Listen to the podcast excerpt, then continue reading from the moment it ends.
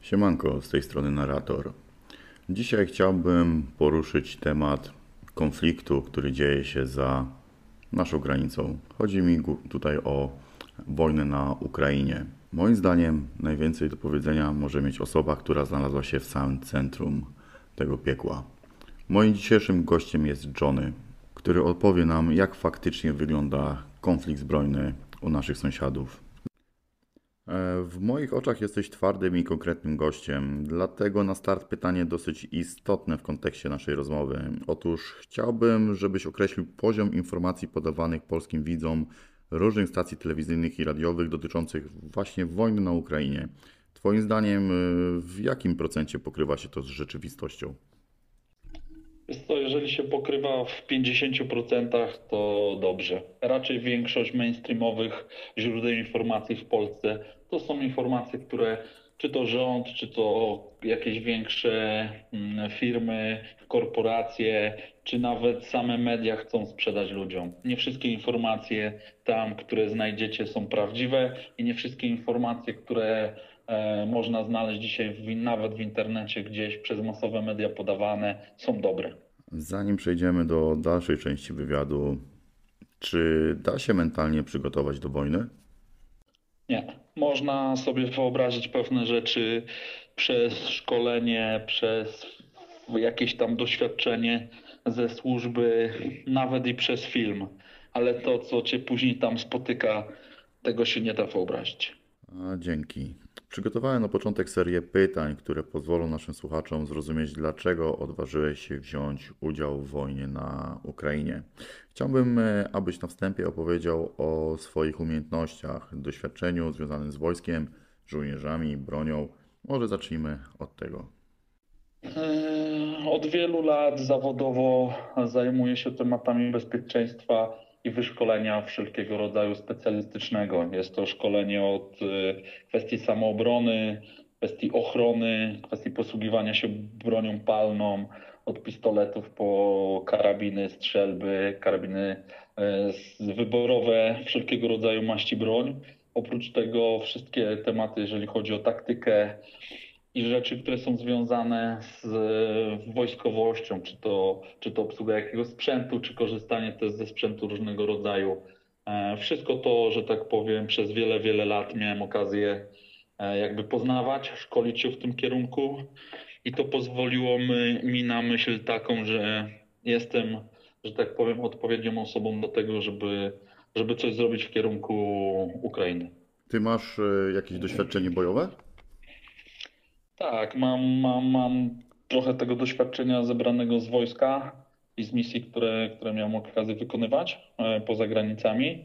No i z wszystkich e, szkoleń, które miałem okazję robić e, w różnych jednostkach, że tak powiem, w Polsce, od różnych instruktorów. Dzisiaj to są ludzie, którzy albo jeszcze szkolą w jednostkach specjalnych, albo już poszli na emeryturę, albo są członkami, byłymi członkami jednostek specjalnych. Rozumiem. A mógłbyś zdradzić coś na temat tych misji, które, które masz na koncie? W jakich krajach? Co to, co to były za misje? Em, To są w sumie dwie takie, które były. To jest jedna to jest Irak, druga to jest Kosowo. Chciałbym jeszcze delikatnie się cofnąć w naszej rozmowie. Szkolenia, które przyszedłeś, miały charakter wojskowy? Tak, większość tych szkoleń było związane z, z, ze służbą w mundurówce w, w wojsku.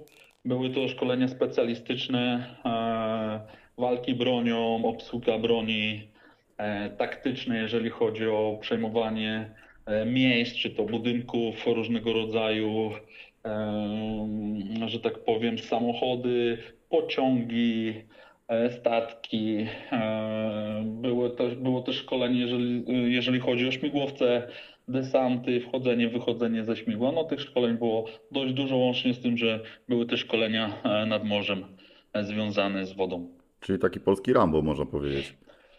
No, tak można było powiedzieć. No, miałem okazję przejechać, że tak powiem, większość e, miejsc w Polsce, w których da się szkolić. Czy to były tematy jakieś policyjne, Wyższa Szkoła Policji, gdzieś legionowo, czy to wojskowe tematy stricte, Toruń, czy Polskie Centrum Szkolenia Wojsk W Poznaniu była też certyfikacja na wyjazdy na misje zagraniczne w, w Kielcach, więc to tego, tego jest, jest trochę.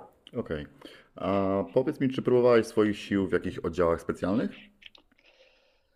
E, Nie, wiesz, moje, moja przygoda z wojskiem była taka, że kiedyś y, przez jedną kobietę, z którą byłem, jakby zapomniałem o temacie wojska, a bardzo, bardzo chciałem, a potem de facto, kiedy zacząłem służyć i jakby rozwijać się w, w tym kierunku, e, urodziła mi się córka, świat trochę mi się, że tak powiem, pozmieniał priorytety. Okazało się, że w danym miejscu i tu, gdzie jestem, wojsko nie jest w stanie spełnić wszystkich moich oczekiwań. To Mhm. były też czasy tam 2006, 2007, 2008 rok, więc, y, że tak powiem, też duże zmiany w wojsku następowały. Mhm. I stwierdziłem, że na rynku cywilnym jestem w stanie więcej zarobić, więcej zrobić i poszedłem w tym kierunku. Rozumiem. Do wojska powróciłem dopiero po roku 2020. Okej. Mam świadomość, że sporo Polaków nie ma bladego pojęcia, od kiedy trwa tak naprawdę wojna na Ukrainie, jak mocno eskaluje na całe państwo. Chciałbym, e, żebyś potraktował mnie jako osobę zupełnie zieloną w tym temacie. Wytłumacz mi proszę, kiedy i gdzie miał miejsce pierwszy atak Rosji na Ukrainę? Od czego to się zaczęło? No ja się dość sporo dowiedziałem o temacie konfliktu Rosji z Ukrainą od e, chłopaków, z którymi służyłem, którzy są, e, że tak powiem, uwikłani w ten konflikt od 2014 roku, bo od tego roku tak naprawdę wszystko się zaczęło. Wojna na Ukrainie nie trwa od roku, tak jak to pokazują media, czy tak jak to widzą ludzie w Polsce. Ta Mhm. wojna zaczęła się od wojny hybrydowej właśnie wtedy. Wtedy za, zaczęło się e, przejęcie Krymu, zaczął się atak na Donbasie e, i, i tam jakby zaczęły się tematy, które już powoli pokazywały, że ten konflikt może narosnąć. Tylko trzeba też pamiętać, że one się nie zaczęły od e, takiej stricte wojny, że rosyjskie wojska najechały tam jakby zaczęły tą wojnę. Mhm. Zaczęły się od tego, że Rosjanie przez wojnę hybrydową zaczęli podburzać mieszkańców e, tych rejonów, którzy byli bardziej związani z Rosją albo bardziej się z nią utożsamiali. I po prostu w ten sposób budowali napięcie, które w pewnym momencie wykorzystali, dostarczając mundury, dostarczając broń. I ta wojna się zaczęła po prostu od tego, że pewnego dnia o pewnej godzinie e, ludzie przebra- ubrali te mundury, wzięli broń, zajęli urzędy, przejęli ważne placówki i zaczęli, że tak powiem, em, swoją politykę prowadzić w tych danych miejscach. Rozumiem. Kiedy, kiedy już to jakby poszło dalej, no to wtedy dopiero gdzieś dostawali następne, e, następną pomoc od, od Rosjan. No i w ten sposób próbowali jak najwięcej terytorium przejąć. Jak myślisz, z czego wynika ten brak informacji i świadomości u Polaków odnośnie realiów u naszych sąsiadów?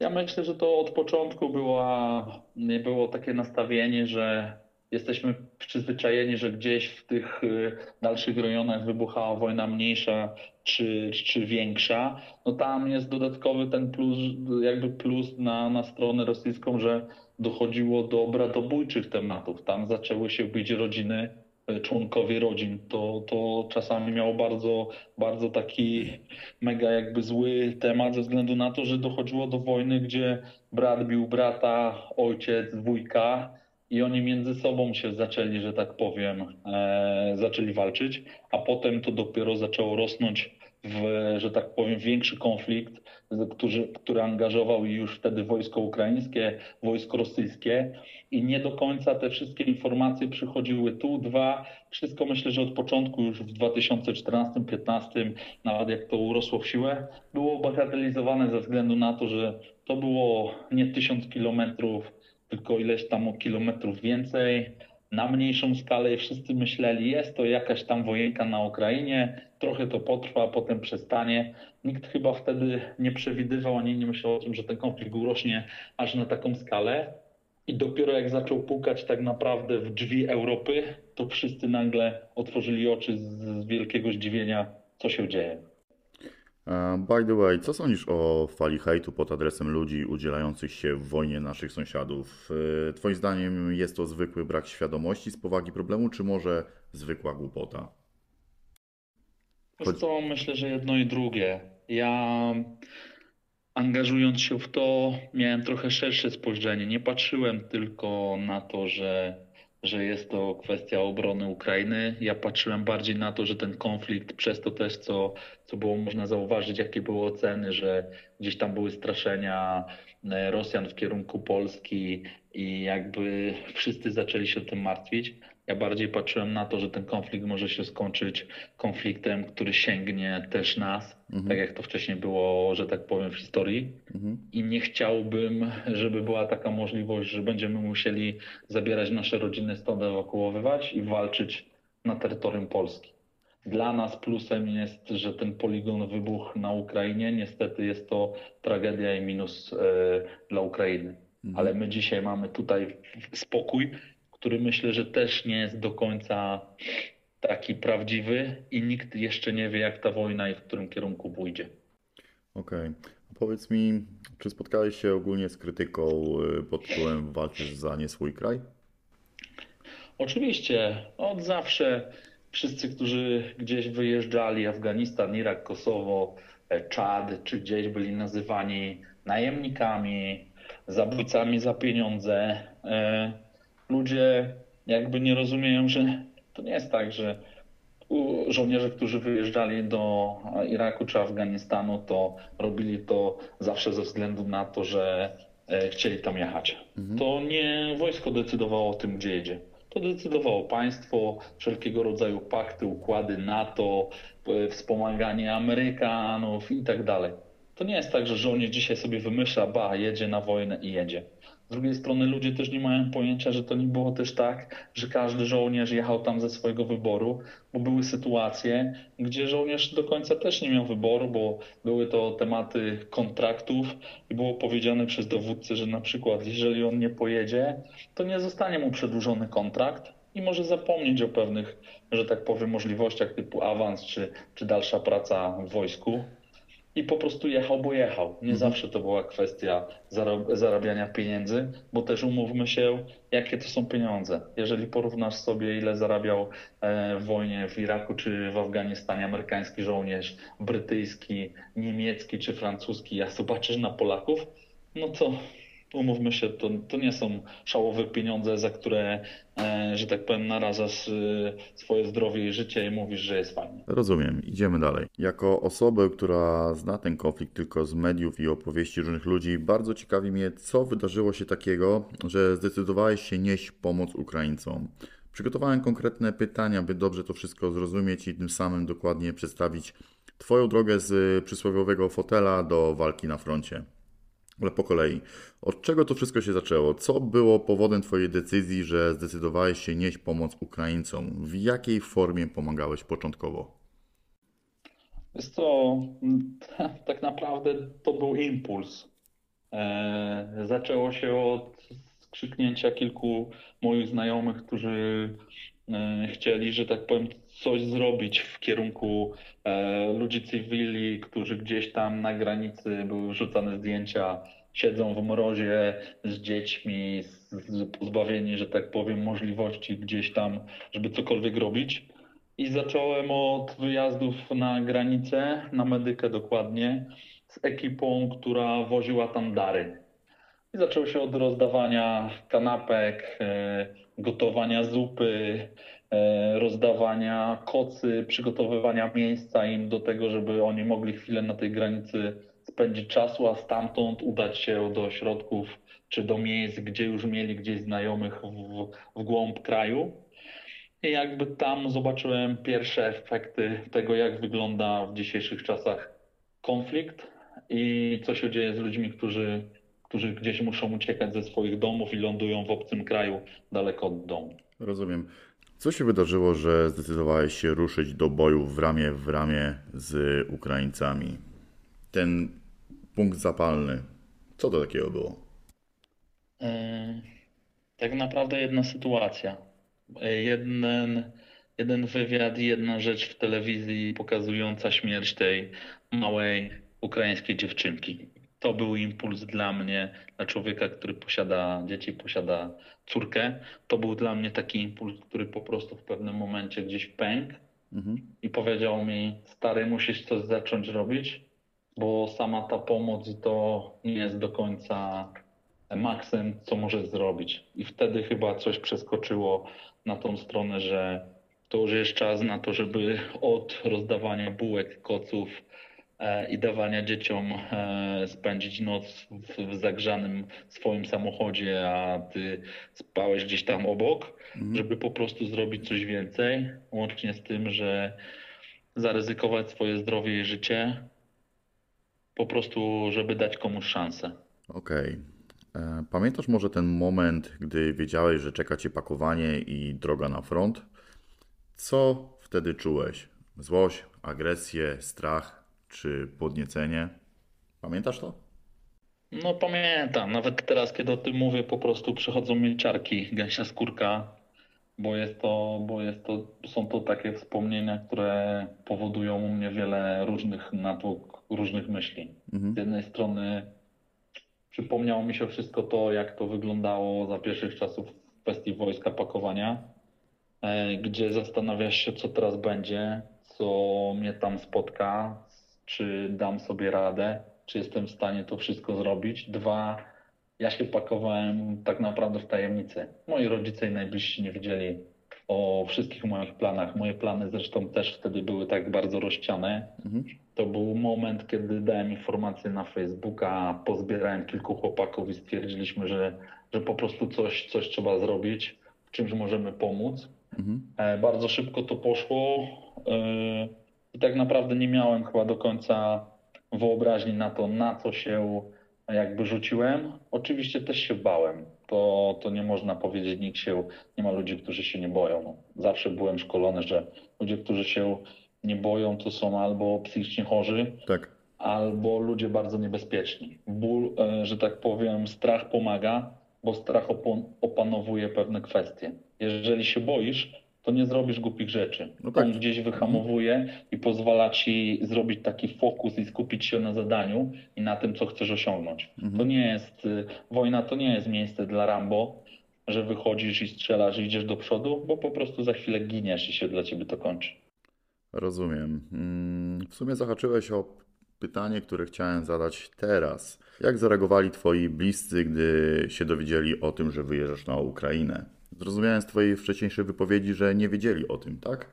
Że wyjeżdżasz. Tak, no wiesz co, nie wiedzieli o tym, ale wiem, co było później, bo, bo później w końcu, kiedy ta informacja doszła, e, to zresztą informacja moja obiegła się bardzo szybko. Dosłownie po tym, jak jeden z naszych kolegów, który gdzieś tam nam pomagał, opublikował jeden materiał, w którym, który, w którym była mowa o mnie, było moje zdjęcie, to nagle się okazało, że bardzo dużo ludzi, znajomych, moich rodziców, mojego brata i tak dalej, e, czytają różnego rodzaju wiadomości i dosłownie w 45 minut opowiadał mi to mój brat, który był gdzieś tam w trasie. Zaczęli do niego dzwonić i mówić, stary, nagle przeczytaliśmy tu i tu, że twój brat e, montuje ekipę i jest już gdzieś tam w drodze na Ukrainę to i tak naprawdę od nich gdzieś tam wyszła ta informacja i, i tak się napędziła, że dosłownie w chwilę moment pół mojego miasta już, już huczało o tym, zaczęły się gdzieś jakieś wiadomości, próby kontaktu, więc, więc wyszło to. No całość y, wyszła słabo, no bo, bo oni, zanim ja zdążyłem jakby pomyśleć o tym, jak im to powiedzieć, to już gdzieś się tam podowiadywali. No i całą relację znam później, tak, z pierwszych telefonów, z pierwszych nerwów mamy, ojca, e, dziewczyny, wszyscy, którzy gdzieś tam myśleli o mnie, nagle się dowiedzieli, że z pomocy humanitarnej ja idę zupełnie w innym kierunku i to mega niebezpiecznym i jakby nikt nie, nie do końca, chociaż moja mama w pewnym momencie dziewczyna powiedziała, że ona coś czuła i wiedziała o tym, że, że jednak jest to nie do końca to, co mówię, jest prawdą i że mogę się zaangażować zupełnie w inny sposób. A powiedz mi, próbowali ciebie odwieść od tego pomysłu, czy w ogóle ktoś umiałby to zrobić? Czy jesteś tak uparty, że No niestety, jestem takim człowiekiem, mam taki charakter, że raczej jeżeli sobie postawię jakieś zadanie, czy jakaś, jakaś myśl mi przyjdzie do głowy, to rzadko kiedy ktoś jest w stanie mnie e, jakby od tego odwieść. Dwa, powiem szczerze, nawet chyba nie próbowali. Oni tak dobrze, moja mama mnie tak bardzo dobrze zna, przeżyła ze mną wiele różnych sytuacji, to, że ona po prostu wiedziała, Dwa, że wierzyła też we mnie. No i trzy, wiedziała o tym, jakim jestem człowiekiem, pomimo wszystko, że, że no ktoś musi się zaangażować, ktoś musi pomóc. Ja mam szansę to zrobić. Mhm. I chyba też dlatego nie próbowała mnie gdzieś tak bardzo powstrzymywać czy coś, tylko po prostu wierzyła w to, że gdzieś jestem w stanie tam zanieść tą pomoc, coś zrobić dla tych ludzi. No i, i tak się stało i ten kierunek, i ten kierunek po prostu poszedł. Czyli po prostu rozumiała, że to jest uzasadnione, co robisz, tak?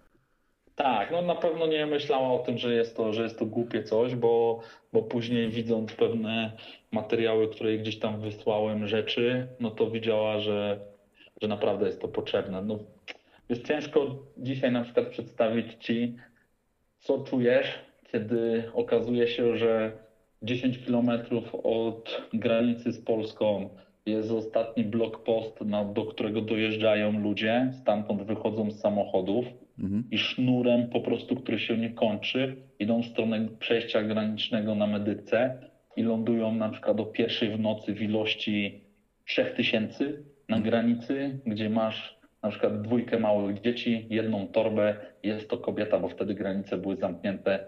Bardzo mało było w, w tym czasie jakichkolwiek starszych czy młodszych Ukraińców tam. Mhm. I tak naprawdę wtedy na tej granicy, czy na dworze, jak mam zdjęcia robione o drugiej w nocy, dworzec był pełny po prostu kobiet i małych dzieci. Mhm. To trzeba być mega, mega skurwysynem, żeby na kogoś po prostu nie zadziałało to. I na wyobraźnię, i na to, żeby cię to nie złapało za serce, kiedy widzisz małe dziecko leżące na ziemi, e, popłakane, a obok jego matkę, która ma rozbiegane oczy i nie wie kompletnie, w którą stronę ma iść, co teraz będzie, bo myśli o tym, co się dzieje tu i co się dzieje z jej bliskimi w jakiejś miejscowości, która jest właśnie albo zajmowana, albo strzelana przez Rosjan.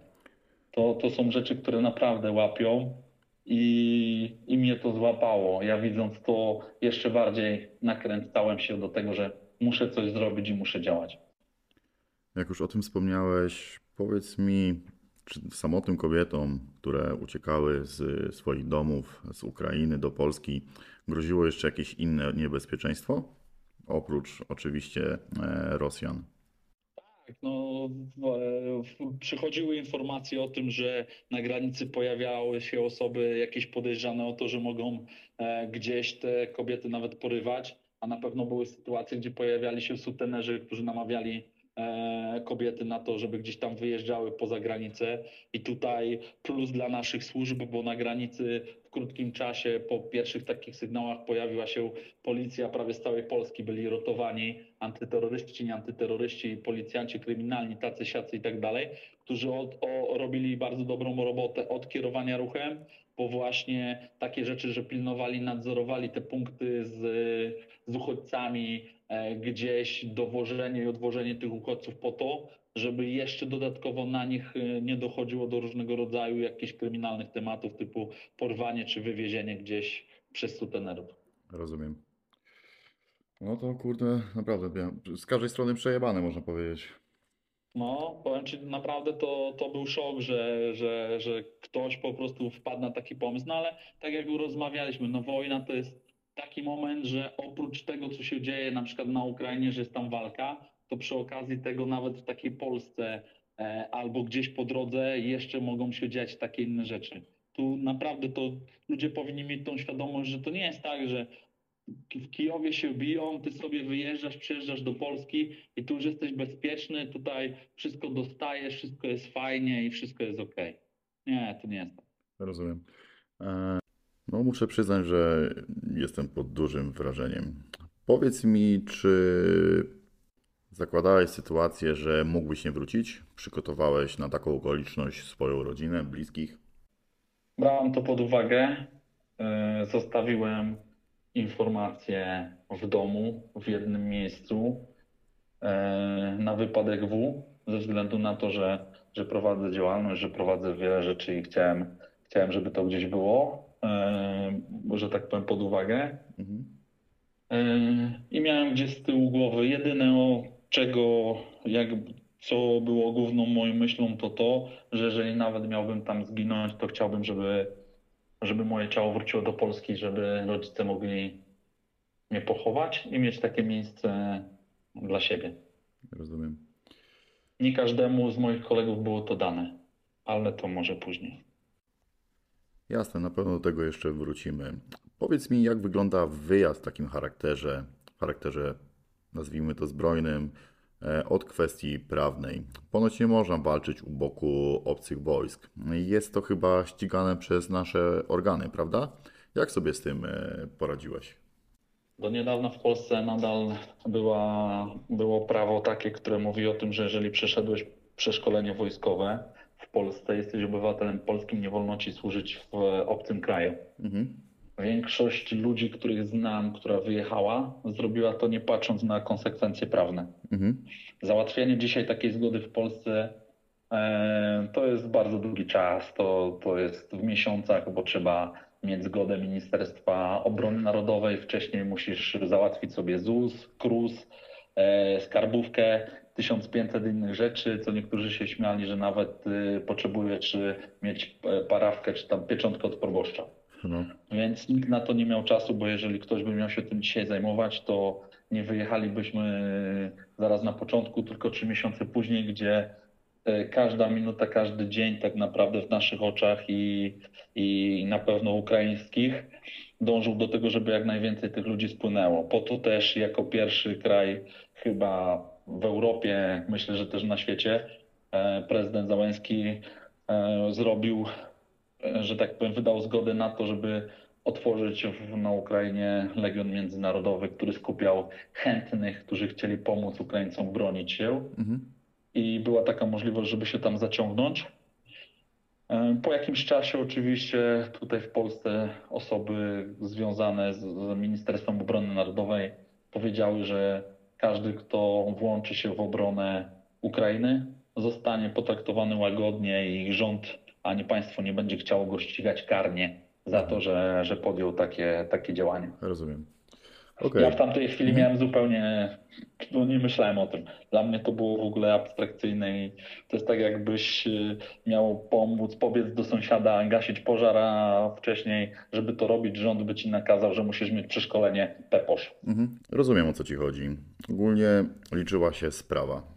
Okej, dobra. Teraz kwestia samego przygotowania do wyjazdu na Ukrainę. Jaki sprzęt spakowałeś, co zabrałeś ze sobą, a czego nie mogłeś spakować? Mam tu na myśli również broń. Większość rzeczy, które e, chciałem, to wziąłem. Tak naprawdę mm, był wtedy to taki okres, że na granicy nikt nie patrzył się na to, co się przewozi.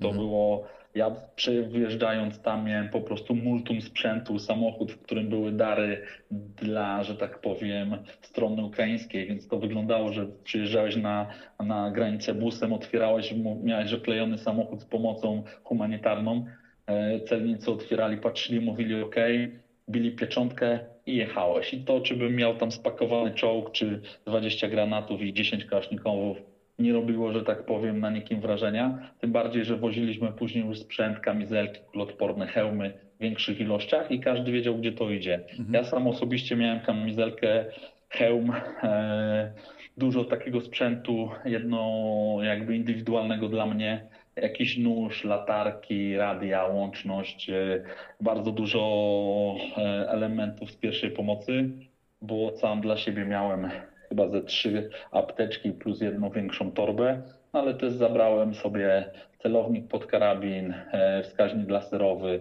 latarkę, no kilka takich elementów, które były niezbędne, e, jakieś tam ciuchy no i trochę jedzenia. To Rozumiem. było, że tak powiem, na pierwszy strzał. Rozumiem, czyli ogólnie jadąc tam już w wiadomym celu, żeby, no w wiadomym celu, po to, żeby walczyć, yy, wjechałeś tam, można powiedzieć, jako e, pomoc humanitarna, tak? Nie obnosiłeś się z tym, że jedziesz. e, Tak. tak? Nie, nie, nie, nie. Nikt tego nie robił. Cały czas było to, było to y, działanie takie, że jedziemy jako pomoc humanitarna, a że tak powiem, pod przykrywką tego trochę prowadziliśmy też inne działania. Okej, dobra. E, Dotarłeś na miejsce i co dalej? Kto ciebie wprowadził, w jaki oddział, jednostkę? Jak to wyglądało właśnie, ten taki backstage, że tak powiem? Pierwszy wyjazd to było 10 osób. Mhm. E, Czterech chłopaków, których żeśmy wzięli, że tak powiem, na granicy i sześciu nas, e, którzy byli już tutaj gotowi. Mhm. Zanim wyjechaliśmy, już miałem część kontaktów przez znajomych tam na Ukrainie. Jeden z, jeden z nich to był e, chłopak, który jest e, do dzisiaj pomaga, zresztą mamy kontakt cały czas, i, ale jego ojciec pomagał już w tematach ukraińskiej wojny od 2014 roku. Oni mieli bardzo dobre kontakty.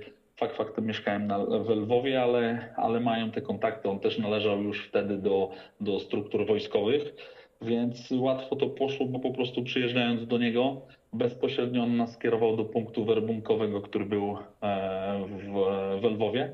I stamtąd zostaliśmy, że tak powiem, tam już się zaczął ten cały proces, który wyglądał na to, że było trzeba przywieźć dokumenty o przeszkoleniu, e, paszport, który był podstawowym elementem, ponieważ zanim cokolwiek, e, gdykolwiek zostałeś zabrany, to była sprawdzana twoja, twoja wiarygodność, e, wszystkie twoje media społecznościowe, dokumenty, bo po prostu nie chcieli być pewni, że te osoby, które się tam zgłaszają, to są osoby, które, za które się podajemy, tak? No Czy to, żeby nie było tak, że ktoś po prostu przychodzi tam, a jest jakimś dywersantem, kolaborantem, czy, czy coś takiego. Mhm. Czyli trzeba było jakieś specjalne wymagania spełnić, żeby właśnie dołączyć do tego legionu, tak? No na początku to wiesz, to było tak, że oni też brali ludzi kompletnie, że tak powiem, suchych. Po prostu ktoś przychodził, był tam na miejscu, mieszkał na Ukrainie, czy coś powiedział, że chce Mhm. i został wcielany w, w te formy. Nie do końca się to sprawdziło, dlatego później się ten system zmienił, ale nie, nie stanowiło to jakiegoś większego problemu, żeby się tam zaciągnąć do Legionu. No i wylądować na, w, w, bazie, gdzie zaczynało się po, podstawowe jakby szkolenie, Mhm. e, które miało jakby przygotować do tego, co będzie dalej. A gdy trafił się ktoś bez żadnego doświadczenia i przeszkolenia e, wojskowego, e, miał szansę, żeby się zaciągnąć do legionu? Tak, było kilku takich chłopaków na samym początku, ale to bardzo szybko zostało zmienione, ponieważ y, no mitem jest to, że każdy może zostać y, żołnierzem, czy każdy może walczyć, że tak powiem, na jakimś tam poziomie. No bo jeżeli nie jesteś przeszkolony, nigdy nie miałeś z tym do czynienia, to two, twoja, że tak powiem, możli, twoje możliwości bojowe, no to jest, y, wiesz, no, no poziom basic i to taki bardzo basic Mhm. czyli podstawowy, podstawowy. Do tego, żebyś naprawdę stwarzał jakiś potencjał wojskowy, no to Mhm. musisz mieć przeszkolenie do tego, żeby u, jakby znać taktykę, umieć obsługiwać sprzęt, bo nie każdy sprzęt e, może obsługiwać pan, który, no jeżeli dostaniesz wyrzutnię Javelin, to żebyś umiał od, jakby obsługiwać temat wyrzutni tego clue komputerka, bo rakieta jest dołączana w tubie do tego, Mhm. no to już musisz mieć jakiekolwiek pojęcie, już nie mówiąc o tym, że musisz mieć więcej w głowie zwoi od kury. Mhm. No tak, tak, to na pewno. E, dobra, Legion Cudzoziemców. E, jacy ludzie go tworzą? Z jakim przeszkoleniem? Z jakich państw? Jak to wygląda? Od tego backstage'u. Wiesz co, spotykasz to tam naprawdę cały świat. Ja sam osobiście ściągnąłem tych ludzi ponad setkę i to byli ludzie po prostu z całego świata. Byli z nami Polacy, Niemcy, Holendrzy, Anglicy, Francuzi, Włosi, Hiszpanie, Japończycy, Koreańczycy, e, Gruzini, Mołdawcy, Białorusini. No po prostu prz- przekrój tego był przeogromny. Poziom, który był, e, był też przeogromny. Od ludzi, którzy tylko odbyli zasadniczą służbę wojskową w danym kraju, po specjalistów, którzy przyjeżdżali jako weterani z danego kraju, czy eks-specjalni, że tak powiem, komandosi z bardzo, bardzo, bardzo wysokim wyszkoleniem. Więc tam miałeś pełen przedział po prostu wszystkiego. A czy można było liczyć na wskazówki właśnie od e, tych bardziej przeszkolonych kolegów e, z Legionu? Mm, Dzielili się swoimi umiejętnościami? Jak to wyglądało? Tak, Tak. no w większości, kiedy wylądowaliśmy tam i, i był czas szkolenia, to jeżeli pojawiłem się na tym szkoleniu i pokazywałem umiejętności, czy wyróżniałem się, to zostałem zaraz brany przez y, e, jakby kierowników tych szkoleń na bok. Oni zaraz się pytali skąd jestem, kim jestem, jakie mam przeszkolenie, co umiem. I zaraz po tym e, dosłownie było chwila na to, żeby się zgrać z, jakby z ich systemem i z tym, co oni chcą robić i byłeś albo pomocnikiem, albo za chwilę mi się też zdarzyło, że prowadziłem zajęcia dla ochotników. Akurat y, jedne prowadziłem w szkole, drugie prowadziłem w kinie, w takim teatrze jakby. E, po prostu dla tych, dla, dla chłopaków.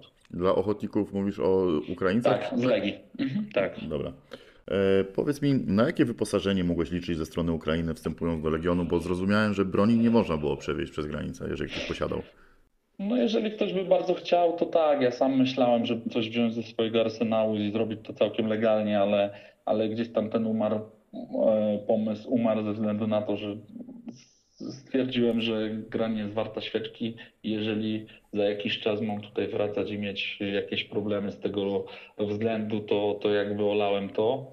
No na początku ze sprzętem to, to było różnie. Tak naprawdę mogłeś, był taki też wachlarz tej broni, że od starego Mosina po, przez MP5, pistolet maszynowy po karabin AR-15. Ale na początku tak naprawdę ten sprzęt to był rozdawany tylko tym, którzy lepszy sprzęt dostawali ci bardziej ogarnięci, mhm. a ci, że tak powiem, na, na samym początku podstawowym to liczyłeś na to, że dostaniesz hełm, kamizelkę e, i po prostu dobrego, starego e, AK-74. I to było wszystko. Rozumiem. Tak, kołacha. Dobra, chciałbym jeszcze troszeczkę podrążyć ten temat. Podejście dowódców i żołnierzy ukraińskich do Legionu.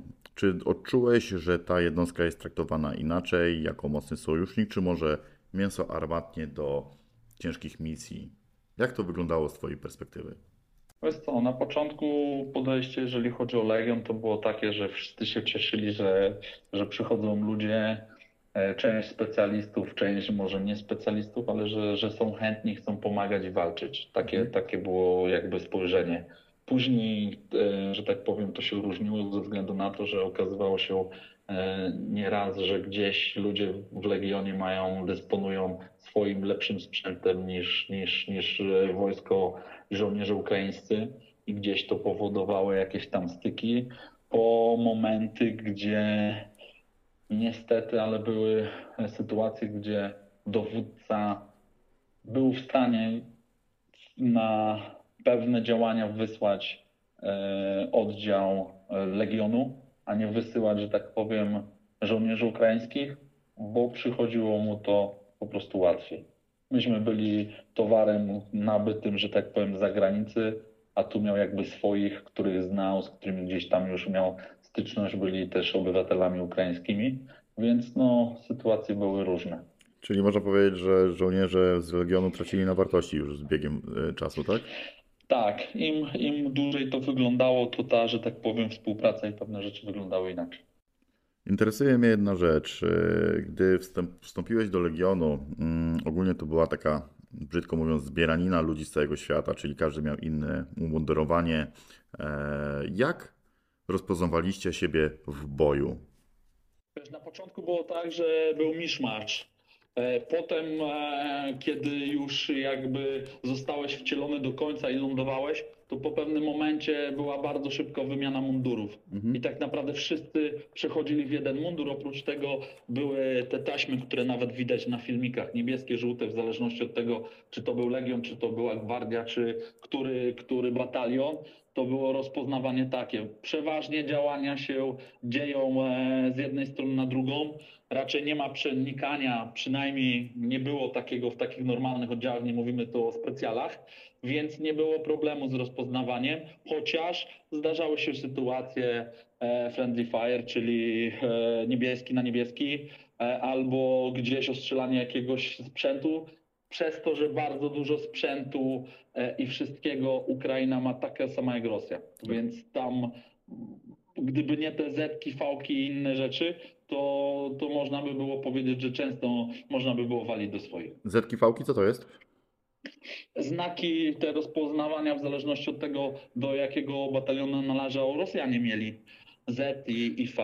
A faktycznie słyszałem na, o tym. Mhm. Tak, na, transporta, na transporterach i też dzięki temu były, oni sami rozpoznawali, czy, czy to jest. Oczywiście podejrzewam, że były sytuacje, że można by było e, wymalować zetkę, no tylko wiesz, to jest zawsze tak, że ty przez chwilę możesz zrobić e, wroga w konia e, i, że tak powiem, rzucić gdzieś koń trojański, tylko potem, żeby twoi znowu ciebie nie rozwalili, bo ktoś tego nie, nie, nie będzie sprawdzał, weryfikował. No tak, i tutaj... Więc to jest takie problematyczne, ale, ale mówię, no było, było na początku, bo trzeba uważać na to, gdzie się strzela i gdzie się wchodzi, bo, bo mówię, no później już dzisiaj w większości, jak się widzi w telewizji, to żołnierze Legionu są e, w umundurowaniu kamogrom, tym takim zupełnie innym niż Rosjanie, więc, więc jesteś w stanie to rozpoznawać bardzo szybko. Rozumiem. A powiedz mi, czy e, Rosjanie podszywali się pod e, oddziały ukraińskie, tylko po to, żeby podejść właśnie wroga?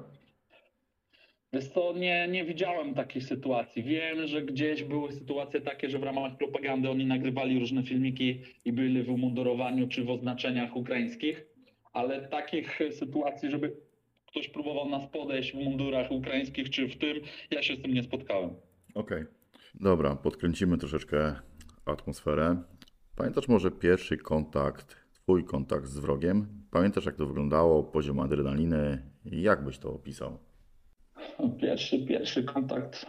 Trzeba też powiedzieć jedno. Dzisiaj wojna wygląda trochę, trochę inaczej niż wcześniej. Wcześniej to była kwestia przesuwając. Dzisiaj to jest kwestia, e, że tak powiem, frontu, który jest w stałym miejscu, gdzieś tam mało się przesuwa to. Wtedy, kiedy ja brałem tam udział, to w- przesuwanie się frontu, czy, czy jakiekolwiek w- przesuwanie wojsk i walki było mega dynamiczne. To było tak, że e, front nie był w stałym miejscu. Front się przesuwał czasem tak, że od jednej miejscowości, w jednej miejscowości byli Rosjanie, była pusta miejscowość, byliśmy my i za chwilę po prostu ci Rosjanie wchodzili na tą miejscowość, potem myśmy ich stamtąd wybijali, oni się cofali. Tak wyglądała walka. Jechałeś, był checkpoint ukraiński, za chwilę jechałeś dalej, następny też miał być ukraiński, okazało się, że nie był ukraiński, był rosyjski. Więc sytuacje były tam, e, że tak powiem, różne.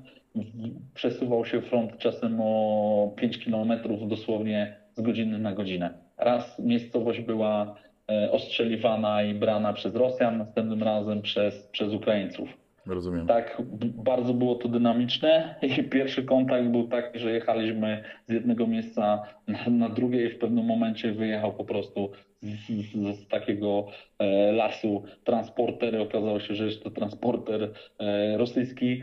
E, usłyszałem tylko poszli z maszyną, samochód nagle skręcił bardzo w bok. Wyskoczyliśmy, ja dosłownie trzymałem, dobrze, że miałem broń przypiętą do siebie, złapałem za hełm, wybiegliśmy z tego samochodu, nie został on ostrzelany i wracaliśmy z buta dość kawałek do, do innego miejsca, skąd byliśmy podjęci. Ten samochód wrócił pomimo pomysłów na to, żeby tam wracać, to powiedziałem, że nie ma co tam wracać, bo jeżeli tam wrócimy, to może się to źle skończyć i po prostu trzeba to olać i straciliśmy pick-upa i tyle. No, nasza rozmowa nabiera tempa. Wiesz, co mnie najbardziej ciekawi? Mm, Jak właśnie e, wyglądała akcja w miastach? E, chciałbym, żebyś może powiedział o takich e, grubszych sytuacjach, bo gdy myślę o wojnie, przed oczami mam klatki z filmu Szeregowiec Ryan. Mm, Czy tak to właśnie wygląda? Możesz opisać to swoimi słowami? Wiesz co, tak naprawdę pierwsze, pierwsze miejsce, które, które, e, gdzie ja się dołączyłem po przeszkoleniu w Jaworze, e, zostaliśmy przesunięci, bo kończyła się wtedy obrona Kijowa. Kijów, te pierwsze, największe, e, że tak powiem, walki w Kijowie się zaczęły i zaraz po tym, jak już e, e, Ukraińcy dali radę zacząć wy, wypychać, że tak powiem, Rosjan, to wtedy myśmy dołączyli do batalionu, który, że tak powiem, to był chyba drugi albo trzeci batalion stworzony, który wspomagał obronę Kijowa. I największym, największym takim miejscem to był lewy, lewe, lewe jakby e, Brzeg? brzeg, o, lewy brzeg Dniepru, tak, przy, przy, przy Wyszogro, Wyszogród, to tam, że tak powiem, były pierwsze już miejsca, kiedy miałem styczność z takim wrogiem, którego widziałem. I, i, i tam zaczynałem, że tak powiem, swój, swoje pierwsze kontakty ogniowe i pierwszą walkę, już taką prawdziwą walkę. Na początku jeszcze były te, e, te walki prowadzone inaczej. Dzisiaj rządzi artyleria, rakiety, bombardowania, drony. Trzeba pamiętać, że jeszcze w zeszłym roku tak naprawdę to się odbywało na krótkich dystansach, na walce w większości w miastach z wrogiem, który po prostu wychodził z budynków, wjeżdżał tam transporterami do tych, do tych miejscowości, e, w których byliśmy. I to była bardzo, bardzo, bardzo bli- bliska walka, bardzo ciężka, bardzo dużo strzelania, bardzo dużo wybuchów. E, No, można by to było porównać do, do akcji szeregowca Ryana. Czyli wjeżdżają auta, wysyp żołnierzy i ogień, tak?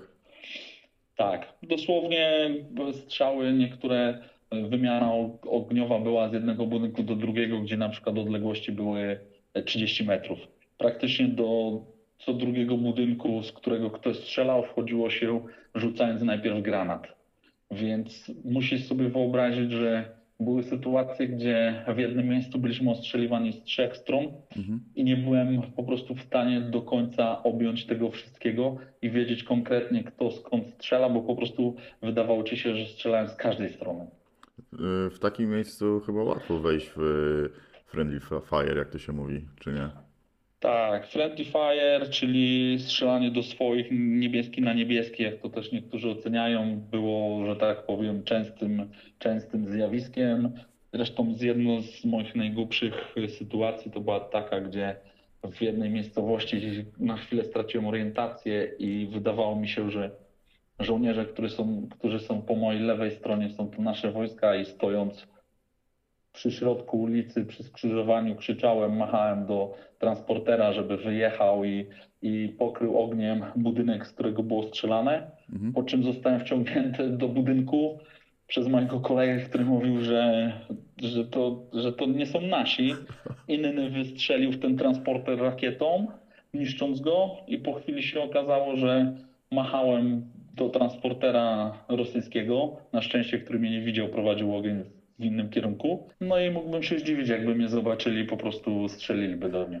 Ci, I to była jedna z takich sytuacji, która później opowiadałem ją i się śmiałem, ale przez chwilę w tym momencie byłem mega, e, mega, że tak powiem, zdziwiony i zesrany po prostu, bo, bo zrobiłem mega numer, tak? Na szczęście skończył się dobrze.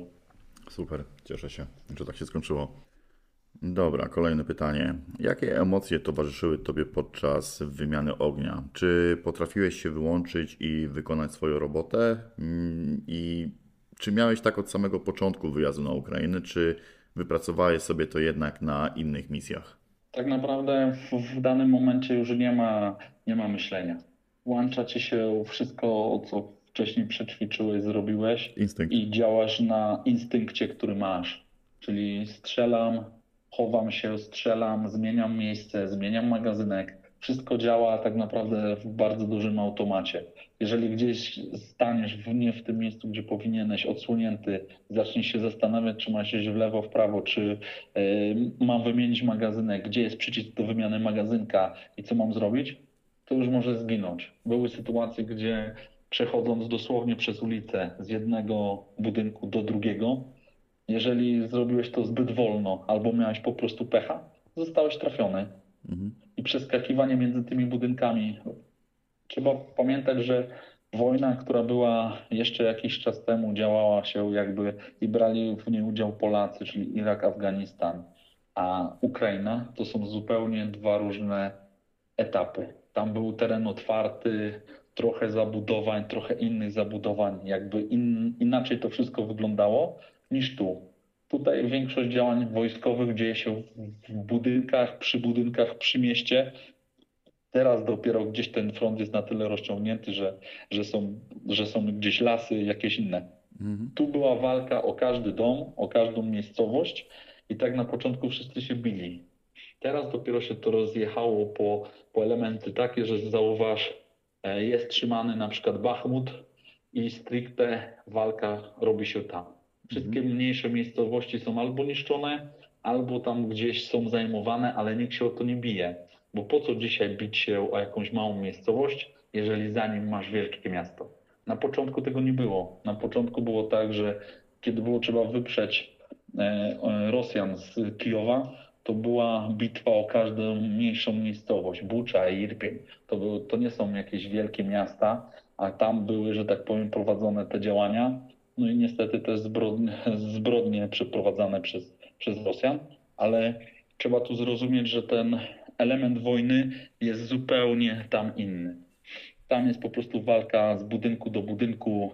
Każde okno, każdy dom, każda, że tak powiem, piwnica to są gdzieś miejsca, w których się człowiek bije. Rozumiem. Powiedziałeś coś, co uruchomiło moją wyobraźnię. E, Wyjaśnij mi, jak to jest e, na polu bitwy. Czy to jest jak w filmach, czy w Call of Duty, że jeżeli ktoś zostanie trafiony, e, ktoś krzyczy medic i zaraz wybiega jakiś człowiek, który może udzielić tej pomocy medycznej. Mm, Czy tak jest faktycznie w rzeczywistości? No nie, tu wiesz, ja kiedyś miałem takie spojrzenie na to, zanim przeszedłem jakikolwiek kurs medycyny pola walki, czy, czy żeby to zrozumieć. Nie jest tak, że idziesz, nagle dostajesz poszczał, upadasz Mhm. i nie wiem, krzyczysz medyk i albo krzyczysz do kolegi, on po prostu wstaje, strzela, podbiega i cię łapie. Mhm. Bo trzeba wiedzieć o tym, że to się skończy tym, że ktoś trafi też ciebie. Mhm. I z jednego rannego robią się dwóch. Zasada jest zawsze jedna. I tak naprawdę największą rzeczą, jaką ty możesz zrobić, to jest autopomoc, której się uczymy, Mhm. czyli próba pomocy samemu sobie, ze względu na to, że to nie jest też tak, że zawsze wszyscy są wokół ciebie i do ciebie jest łatwy dostęp. Dwa, jeżeli na przykład jest sytuacja, że ty dostaniesz postrzał, ja widząc to, y, nawiązuję z tobą kontakt, ty mi nie odpowiadasz, to są dwie możliwości. Albo zginąłeś, albo odpłynąłeś, straciłeś przytomność i nie ma z tobą kontaktu. Jeżeli ten wróg cały czas gdzieś tam jest, prowadzi ogień, to nie wyobrażam sobie sytuacji, że ja teraz wszystko rzucam i lecę po ciebie, bo Mhm. za chwilę ja zostaję kolejną ofiarą, kolejną albo zabitą, albo ranną Mhm. następny ktoś musi po nas przyjść. I teraz stosuje się technikę taką, nawoływanie, nie jesteś w stanie odpowiedzieć, nie odpowiadasz, to albo zostajesz traktowany jako zabity, albo do momentu, kiedy my nie jesteśmy w stanie gdzieś tego wroga zneutralizować, czy przejąć, e, że tak powiem, ten obszar i udzielić tobie pomocy, to tak naprawdę czekasz na to. Mhm. Oczywiście są możliwości takie, że medyk gdzieś ma tam rzutkę, którą się rzuca, zapina o ciebie, ściąga się o ciebie nawet pod ostrzałem, czy jeżeli jest to gdzieś na w, w miarę taki teren dobry, że można gdzieś tam podbiec i próbować cokolwiek robić, ale w większości jest tak, że musi najpierw być zneutralizowane te źródło zagrożenia, musi się zrobić spokój, żeby móc pewne rzeczy, działania podjąć w stosunku do ciebie. Okej. Niestety to jest taka brutalna prawda. Okej, jak już jesteśmy przy opiece medycznej, e, może rozwiejesz moje wątpliwości. E, czy faktycznie zdarza się e, podczas brania udziału w wojnie, że oddziały wrogie polują właśnie na medyków, tylko po to, żeby osłabić właśnie przeciwnika? No bo wiadomo, jeżeli nie ma e, człowieka, który może pomóc rannym, tym samym e, oddział e, na tym bardzo mocno traci. Mm, Jest tak? Czy, Oczywiście. czy, czy... To dzisiaj to, to dzisiaj funkcjonuje. Dowódca, medyk, łączność to są pierwsze osoby, które jeżeli chodzi o jakby pole bitwy, Mhm. na tych ludzi się najczęściej poluje. Jeżeli padnie dowódca, oczywiście ktoś przejmuje zawsze, bo są zdublowani. Jest, jest drugi dowódca, ktoś kto przejmuje, jest drugi medyk, jest drugi, że tak powiem, gość od łączności. No ale ty trafiając na, na, na, takich, na takich ludzi, na takich żołnierzy, już powodujesz to, że po drugiej stronie e, dowodzenie, pomoc i łączność wygląda zupełnie inaczej. Mhm. E, Nie odbierz mnie, że jestem jakiś upośledzony, po prostu nie mam e, doświadczenia bojowego, żadnego, jeżeli chodzi o wojnę. E, I stąd moje jeszcze jedno pytanie. Czy faktycznie jest tak, że na polu bitwy nie powinno się salutować dowódcy, tylko po to, żeby nie zwrócić uwagi e, wroga, że na tą osobę, że to jest właśnie osoba, która wydaje rozkazy, polecenia, która prowadzi ludzi do boju? To jest, że tak powiem, to jest normalne, że nie oddaje się honorów, Mhm. nie, nie ma gdzieś na zewnątrz pokazanych pagonów, które świadczą o rangi, kto jaką ma rangę, ze względu na to, że nigdy nie wiadomo na polu, gdzie kto może być. Zresztą ja osobiście byłem przy sytuacji, że przy jednym z takich jakby blokpostów przejętych przez Rosjan e, obserwowaliśmy to z jakiejś odległości. Pojawił się pan, okazało się, że jest w stopniu majora. Wyszedł po prostu prawie że w galowym mundurze, co zrobiło wielkie zdziwienie u mnie, że po prostu widać z daleka, że jest to, że jest to oficer i jakby się jeszcze dodatkowo z tym odnosi. i poszła decyzja o tym, żeby spróbować go zneutralizować. I Mhm. chłopak od nas z oddziału, który był myśliwym e, i był tam jako strzelec wyborowy, oddał strzał do niego. Było ponad 600 metrów. Trafił go i go zabił. Rozumiem. Właśnie, jak już jesteśmy przy snajperach, kojarzysz film w roku bram? E, Tak. Kojarzysz, nie? E, mieliście też właśnie takiego, można powiedzieć, strzelca wyborowego? Zajcewa? No, mieliście? No, że tak powiem, aż, aż takich spektakularnych y, rzeczy nie mieliśmy, ale miałem i myśliwego, i jednego strzelca, dobrego sportowego Ukraińca, który, którzy zajmowali się elementem takim, pomimo tego, że byłem na etacie starszy strzelec wyborowy zwiadowca Mhm. i potrafię strzelać docelnie na, na większe odległości, to, to zajmowali się tym chłopaki, którzy jakby już to robili i właśnie mieli doświadczenie z, jakby z tej wojny, jak, jak to było mówione poprzedniej, z Donbasu z 2014 roku, potem właśnie walczyli tu z nami, Mhm. bo większość tych dowódców z tamtego okresu i z tamtych tych dzisiaj dowodzi, oni się tam nauczyli, zjedli tam zęby i teraz dowodzą, tak jak jeden z poruczników, który był cyborgiem z tego lotniska, o które się tak długo e, starali Rosjanie na, na Donbasie Mhm. to, to mieliśmy takie, każdy ma w oddziale swoje zadanie, e, które po prostu oddział się, z, jest trochę różnica między oddziałami tam, które są, bo u nas w Polsce jest sekcja lekkiej piechoty 12-osobowa, po 6 osób, Alfa i Bravo, tam było 20 osób, było to jakby powiększona sekcja, jest jakby cały, e, cały schemat jest zrobiony, każdy ma swoje zadanie, każdy, ktoś kogoś dubluje, E, I taki są też strzelcy wyborowi, których zadanie jest, że tak powiem, strzelanie precyzyjne i, i na większe dystanse. I tutaj muszę się przyznać, że troszeczkę zjebałem akcję, bo powinienem się Ciebie na początku zapytać, jaką Ty miałeś funkcję w Legionie? E, Po, e, że tak powiem, skończeniu działań w Kijowie, więc w momencie jak szliśmy z Kijowa na Charków, zostałem zastępcą dowódcy sekcji. E, Dowódcą był Ukrainiec, tak jak wszyscy dowódcy, którzy tam byli. Ja byłem e, u nas zastępcą jego, moim, że tak powiem, kolegą, który, który mnie gdzieś tam dublował, był Mike, Amerykanin, Mhm. mój przyjaciel, który, który do dzisiaj jest tam i walczy. Rozumiem. E, Wiesz co, chciałbym e, dowiedzieć się coś jeszcze na temat oddziałów mieszanych, no bo Legiony to można tak powiedzieć, oddział mieszany.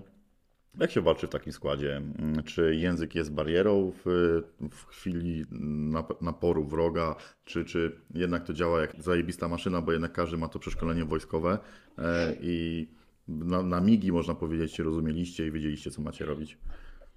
Nie, no na początku się trochę zgrywaliśmy, więc było trochę fuck-upów i takich sytuacji, gdzie mieliśmy pójść w lewo, poszliśmy w prawo, e, ale po jakimś czasie wszystko zaczyna się tak układać, że to jest takie tryby, które pasują do siebie i cała machina działa w pewnym momencie. Jedno spojrzenie, jeden gest, popatrzysz na kogoś i ty bardzo dobrze wiesz, co teraz w danej sytuacji ty masz zrobić albo on. Mhm.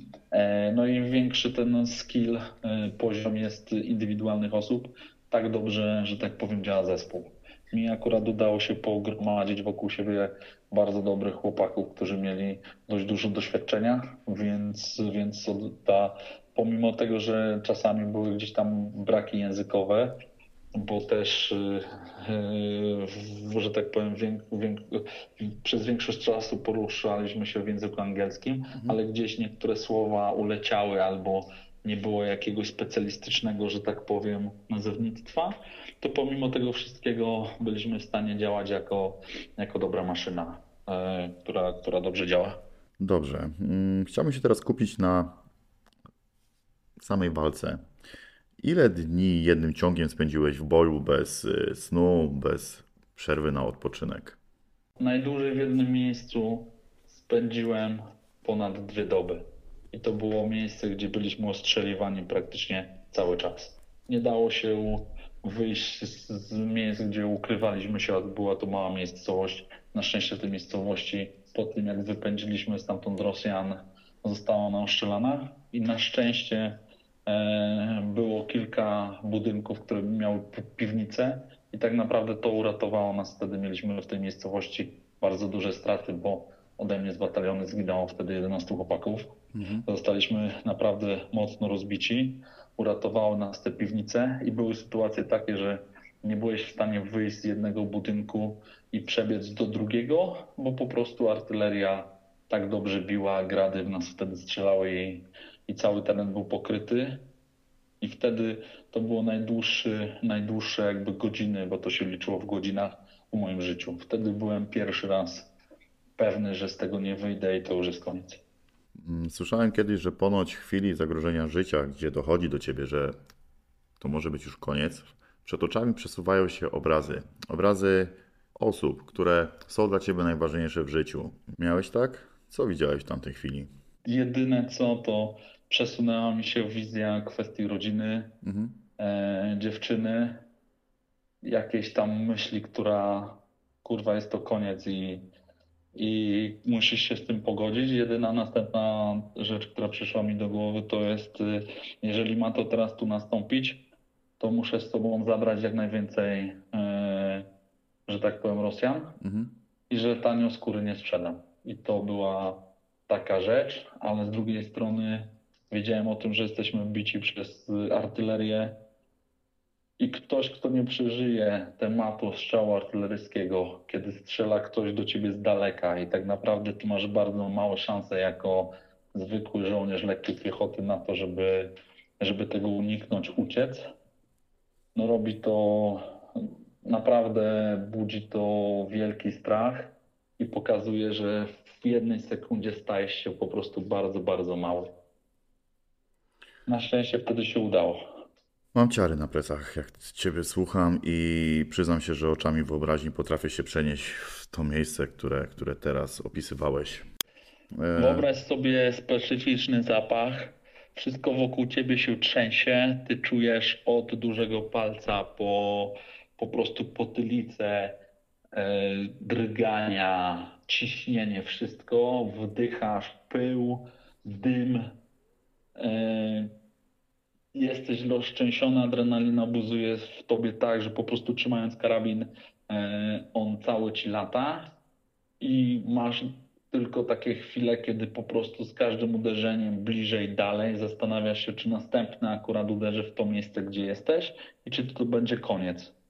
E, Poziom e, wszystkiego jest, jest mega, po prostu wyłuszczają się nawet zmysły i to, że masz słuchawki gdzieś, po prostu jesteś w stanie wtedy słyszeć rzeczy, które się dzieją gdzieś obok, co Mhm. jest w ogóle surrealistyczne ze względu na to, że się mało co słyszy, mało co się widzi.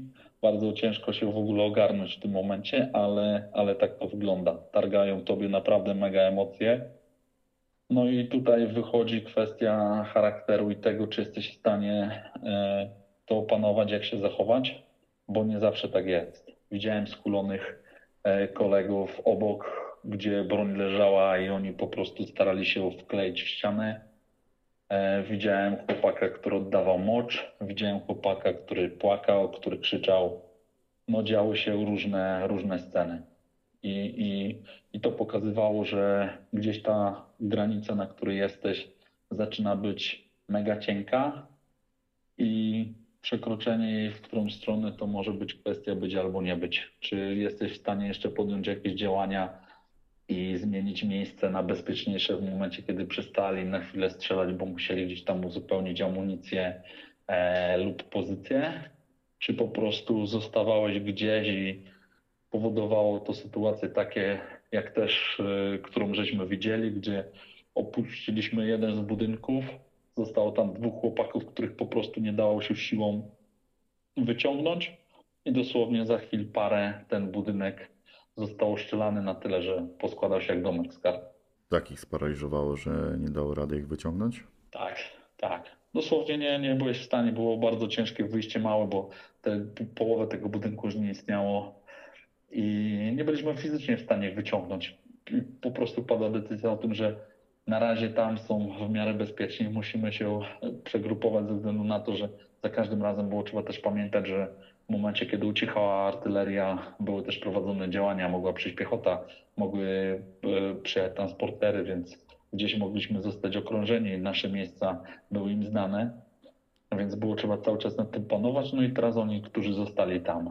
No Mhm. i efekt był niestety tragiczny. Czyli potwierdza się ta informacja, że jak Rosjanie mm, wzięli na celownik jakąś miejscowość, to równali ją doszczętnie z ziemią.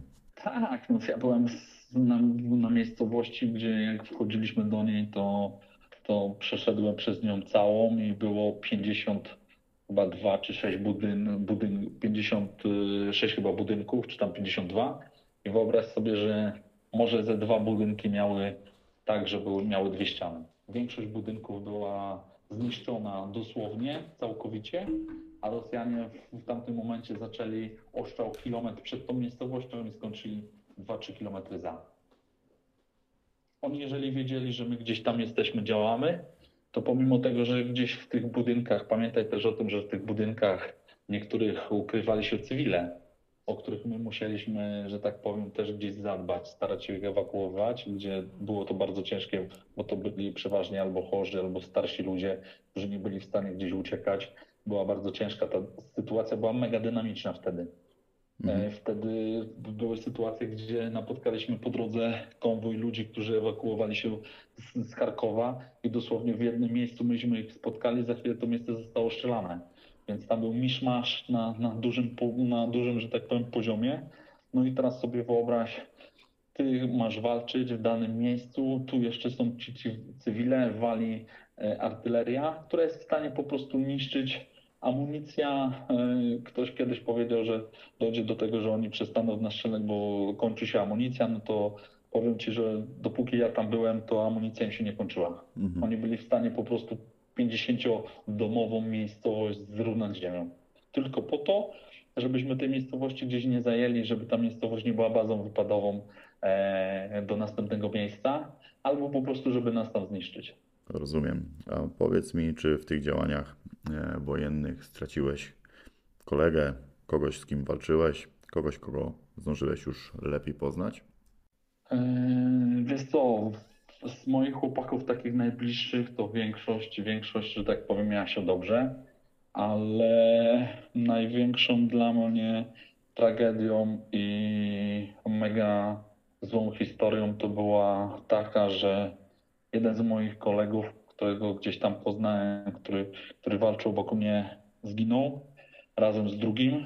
Jeden zginął przy naszym koledze, e, który był świadkiem tego. On akurat zginął od postrzału. Drugi zginął w momencie ostrzału artylerskiego. Myśmy musieli się wycofać z tamtego miejsca. Jego ciało zostało, bo nie byliśmy w stanie ewakuować. Mhm. I po tym, jak wróciliśmy na tą miejscowość, to te ciało zniknęło, zostało po prostu albo zabrane, albo gdzieś pochowane przez tak zwanych tubylców. Nie byliśmy w stanie go odnaleźć. I to jest jeden z przypadków, które znam, e, gdzie ciało nie wróciło do domu. Rozumiem. Ten chłopak zostawił żonę, zostawił dziecko. I to był taki moment dla mnie, gdzie chyba to by było najgorsze dla mnie. I podejrzewam też dla mojej rodziny, kiedy bym stamtąd nie wrócił. To mi dało mega do myślenia i mega mnie zabolało po prostu to, że nie byłem w stanie e, tego ogarnąć, gdzie e, jedno z takich, że tak powiem, spotkań naszych, kiedy mieliśmy czas na odpoczynek i coś, to było to, że siedziałem z moimi chłopakami z sekcji i z drugą zaprzyjaźnioną sekcją, z którą bardzo dużo żeśmy działali i było mówione o tym, że postaramy się zrobić tak, żeby nikogo nie zostawić, e, żeby po prostu nie skończył jako gwiazda jakiejś rezimowskiej telewizji, albo żeby gdzieś te, jego ciało nie było bezczeszczone czy coś. E, No i, i to się nie udało. Mhm. Ja sam osobiście to mocno przeżyłem, bo, bo gdzieś jako zastępca dowódcy tej sekcji brałem na siebie pewne kwestie. No i do dzisiaj zresztą mnie boli, jest dla mnie e, chujowy temat, że po prostu Piotrek został tam i już nie wrócił. Rozumiem. Nie chciałbym, żebyś odebrał mnie jako nieczułego gościa, ale mm, właśnie to, to pytanie też chciałem Tobie za, zadać. Właśnie co dzieje się z ciałem żołnierza, e, który zginął na placu boju? Wiesz, no to jest wszystko zależy od sytuacji, tak? Czasem zbierasz swojego kolegę, który był bardzo blisko uderzonego pocisku artylerskiego i jest w trzech kawałkach. Mhm.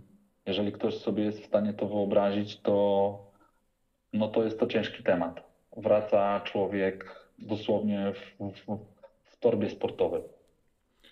No, przynajmniej większa jego część. Y, Czasem jest tak, że ktoś ranny podczas ewakuacji do punktu medycznego po prostu umiera. Nie ma szans na to, żeby go uratować, bo też trzeba pamiętać, że wojna na Ukrainie to nie jest y, Afgan, Irak, możliwość wezwania medevac, gdzie przylatuje ci Black Hawk, latający, że tak powiem, szpital na pokładzie masz najlepszych na świecie ratowników od medycyny pola walki. Są w stanie zrobić ci na pokładzie transfuzję, e, mini operacje i zaopatrzyć się w większość środków medycznych. Tylko ewakuacja z niektórych miejsc na Ukrainie wygląda tak, że twoi koledzy pakują cię do pick-upa, którym tam przyjechałeś i tym pick-upem wiozą cię ileś tam czasu, ileś kilometrów do miejsca, gdzie zostanie ci udzielona większa pomoc niż oni są w stanie tam zrobić, a już kwestia szpitala i tak dalej to już, to już jest. Prawda jest taka, że większość ludzi, którzy dzisiaj umiera gdzieś na froncie yy, na Ukrainie, to są ludzie, którzy po prostu nie, nie mieli szans ze względu na to, że w danym miejscu nie było możliwości medycznych na to, żeby ich zaopatrzyć na tyle, żeby przeżyli ten transport. Ty im oczywiście dajesz szansę, bo nie ma innego wyjścia na to, żeby ich przetransportować, ale jest to zupełnie na innym poziomie, do którego gdzieś wojska specjalne czy żołnierze są przyzwyczajeni z kwestii na przykład Iraku, gdzie było można wezwać medevac i ten medevac przyjeżdżał, była tak zwana złota godzina. Jeżeli trafiłeś e, w ciągu godziny do szpitala, no to wiesz, teraz każdy sobie może wyobrazić, jaki masz transport, kiedy lecisz śmigłem 300 na godzinę, a kiedy jedziesz kurwa drogą na Ukrainie, gdzie sam nieraz jest e, dodatkowo ten transport jest ostrzelany. E, Dziury to nie każda droga jest przejezdna. Wiesz, tam niektóre e, drogi były takie, czy tam przejścia, gdzie jechałeś 20 kilometrów na przykład przez dwie godziny. mhm, Nie ma mostów, zerwane są, no różne rzeczy się dzieją. Więc rozumiem. tak wygląda medycyna i pomoc e, w przypadkach, kiedy ktoś zostaje ranny. Możesz być ranny i nagle może się coś takiego zdarzyć. Powiem Ci, że ciężko mi się teraz z tymi wszystkimi informacjami ułożyć, ale idźmy dalej. Mm, Jak oceniasz zachowanie Rosjan w stosunku do ukraińskich żołnierzy i do ludności cywilnej? Wiesz, to jest mega ciężkie pytanie, bo nie wiem na ile sobie mogę e, pozwolić. No, ujmę to tak. Myślę, że dawno, dawno nie było takiego konfliktu, żebyś spotkał w jednym miejscu tyle skurwysynów, którzy są w stanie drugiemu człowiekowi robić takie rzeczy. Już nie mówię o wojskowych. My żołnierze, że ludzie, którzy się biją, prawda jest taka, no dwóch żołnierzy się spotyka i się bije. To jest ich, że tak powiem, e, zbójeckie prawo. Jeden próbuje zabić drugiego, tak to wygląda na wojnie. Ale teraz opowiem Ci dwie historie. Posłuchaj ich, a potem spróbuj sam sobie odpowiedzieć na to pytanie, bo to pytanie jest mega ciężkie.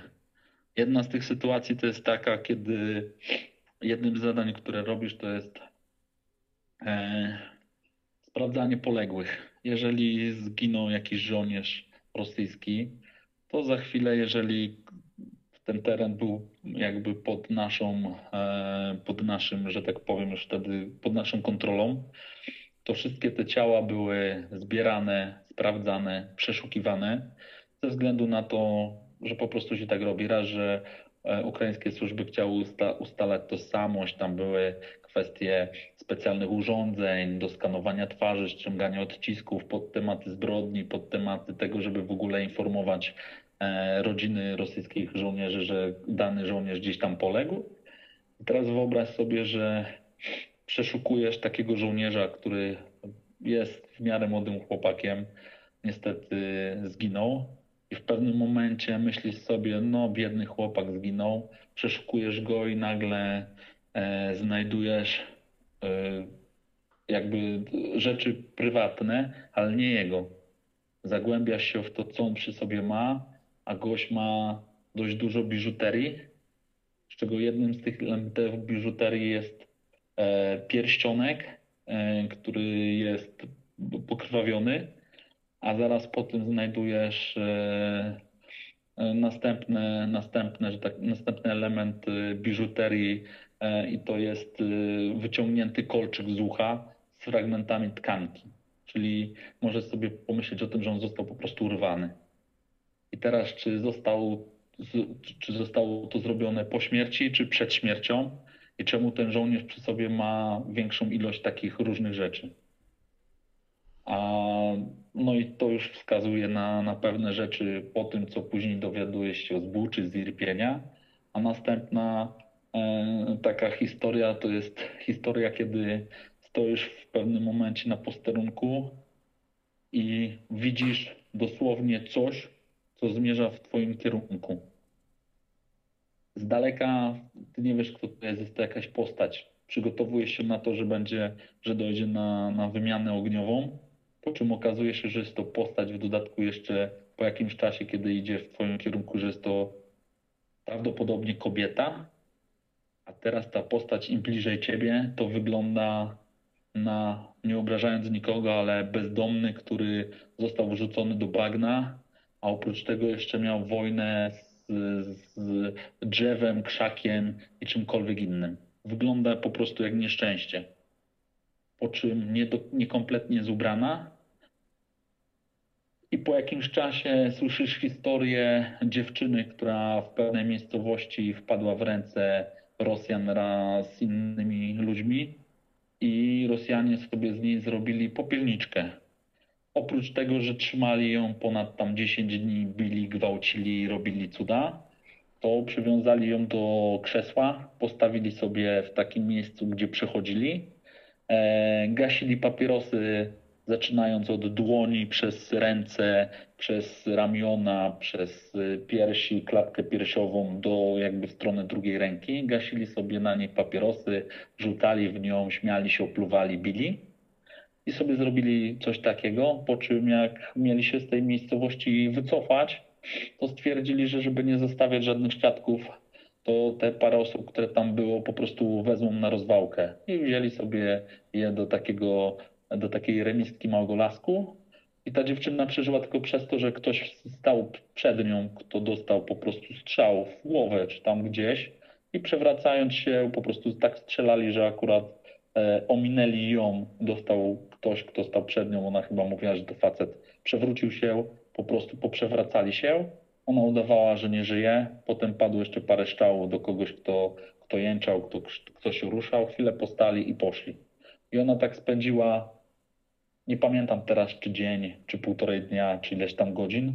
Wyczołgała się stamtąd i drogą, jakby w kółko, mijając miejscowość, trafiła na nas. Powiedz mi teraz, jakim trzeba być kurwa synom, żeby robić coś takiego drugiej osobie.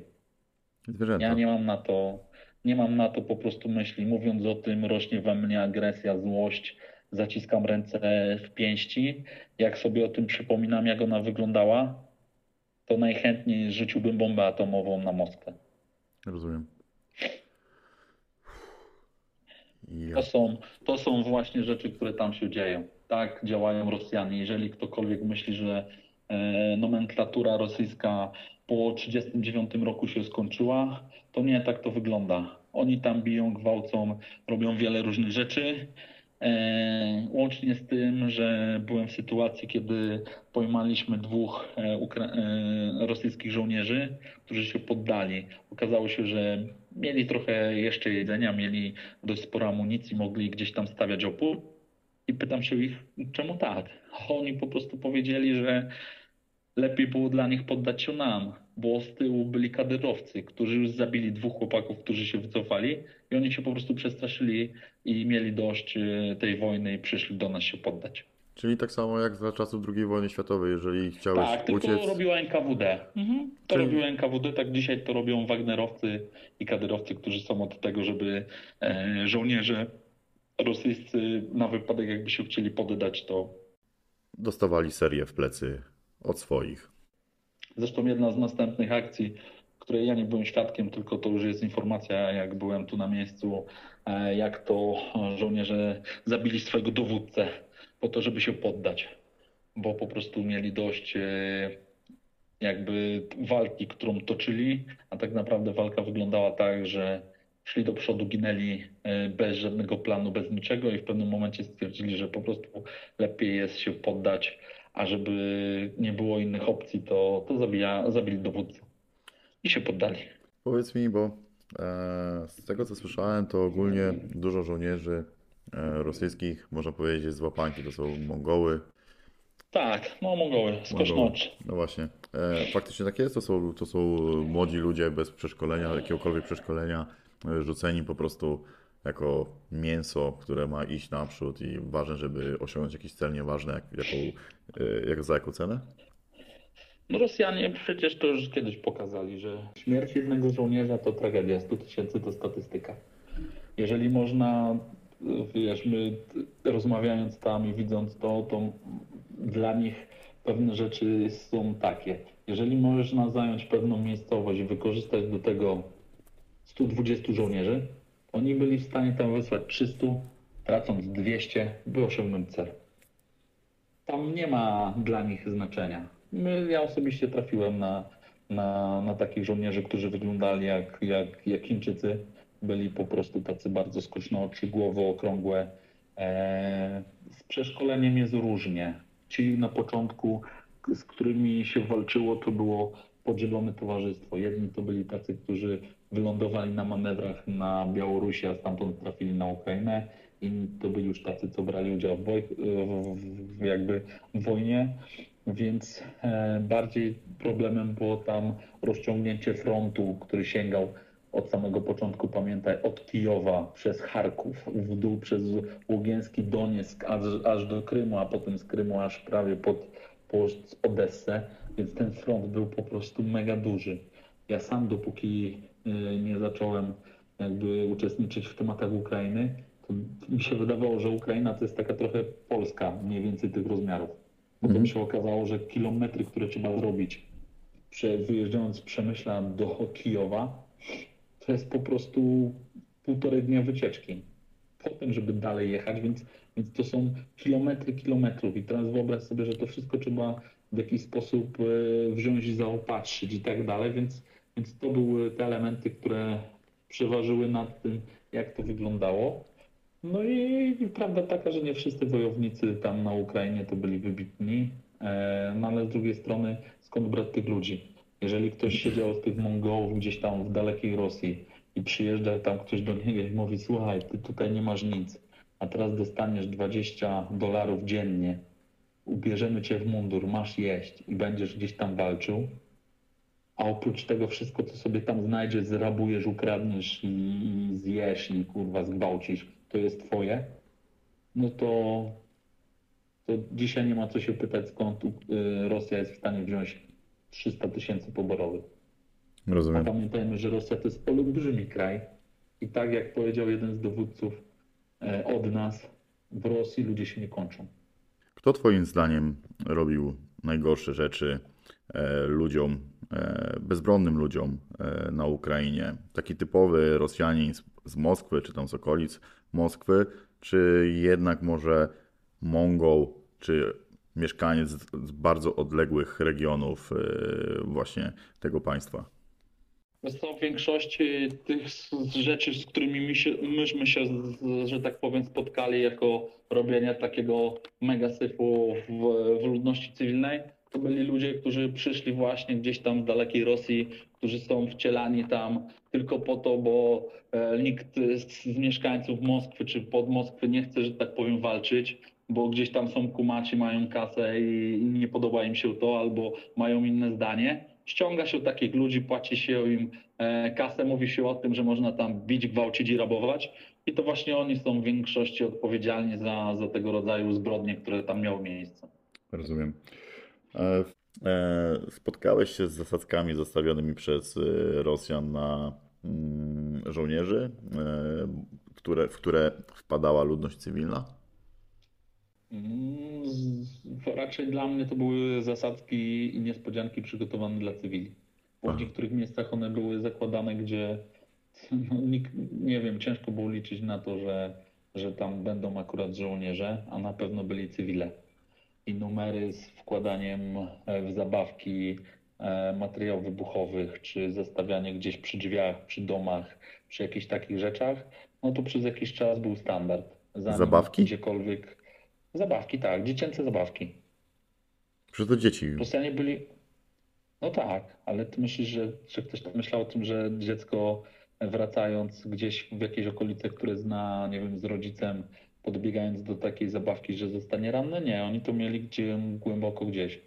Zostawiali w, przy lodówkach, przy e, e, na przykład stawiali coś do jedzenia, puszki e, przy jakiejś szafce, a zaraz w szafce bo była normalna myśl, że weźmiesz coś, co jest koło szafki, a potem otworzysz szafkę i była niespodzianka.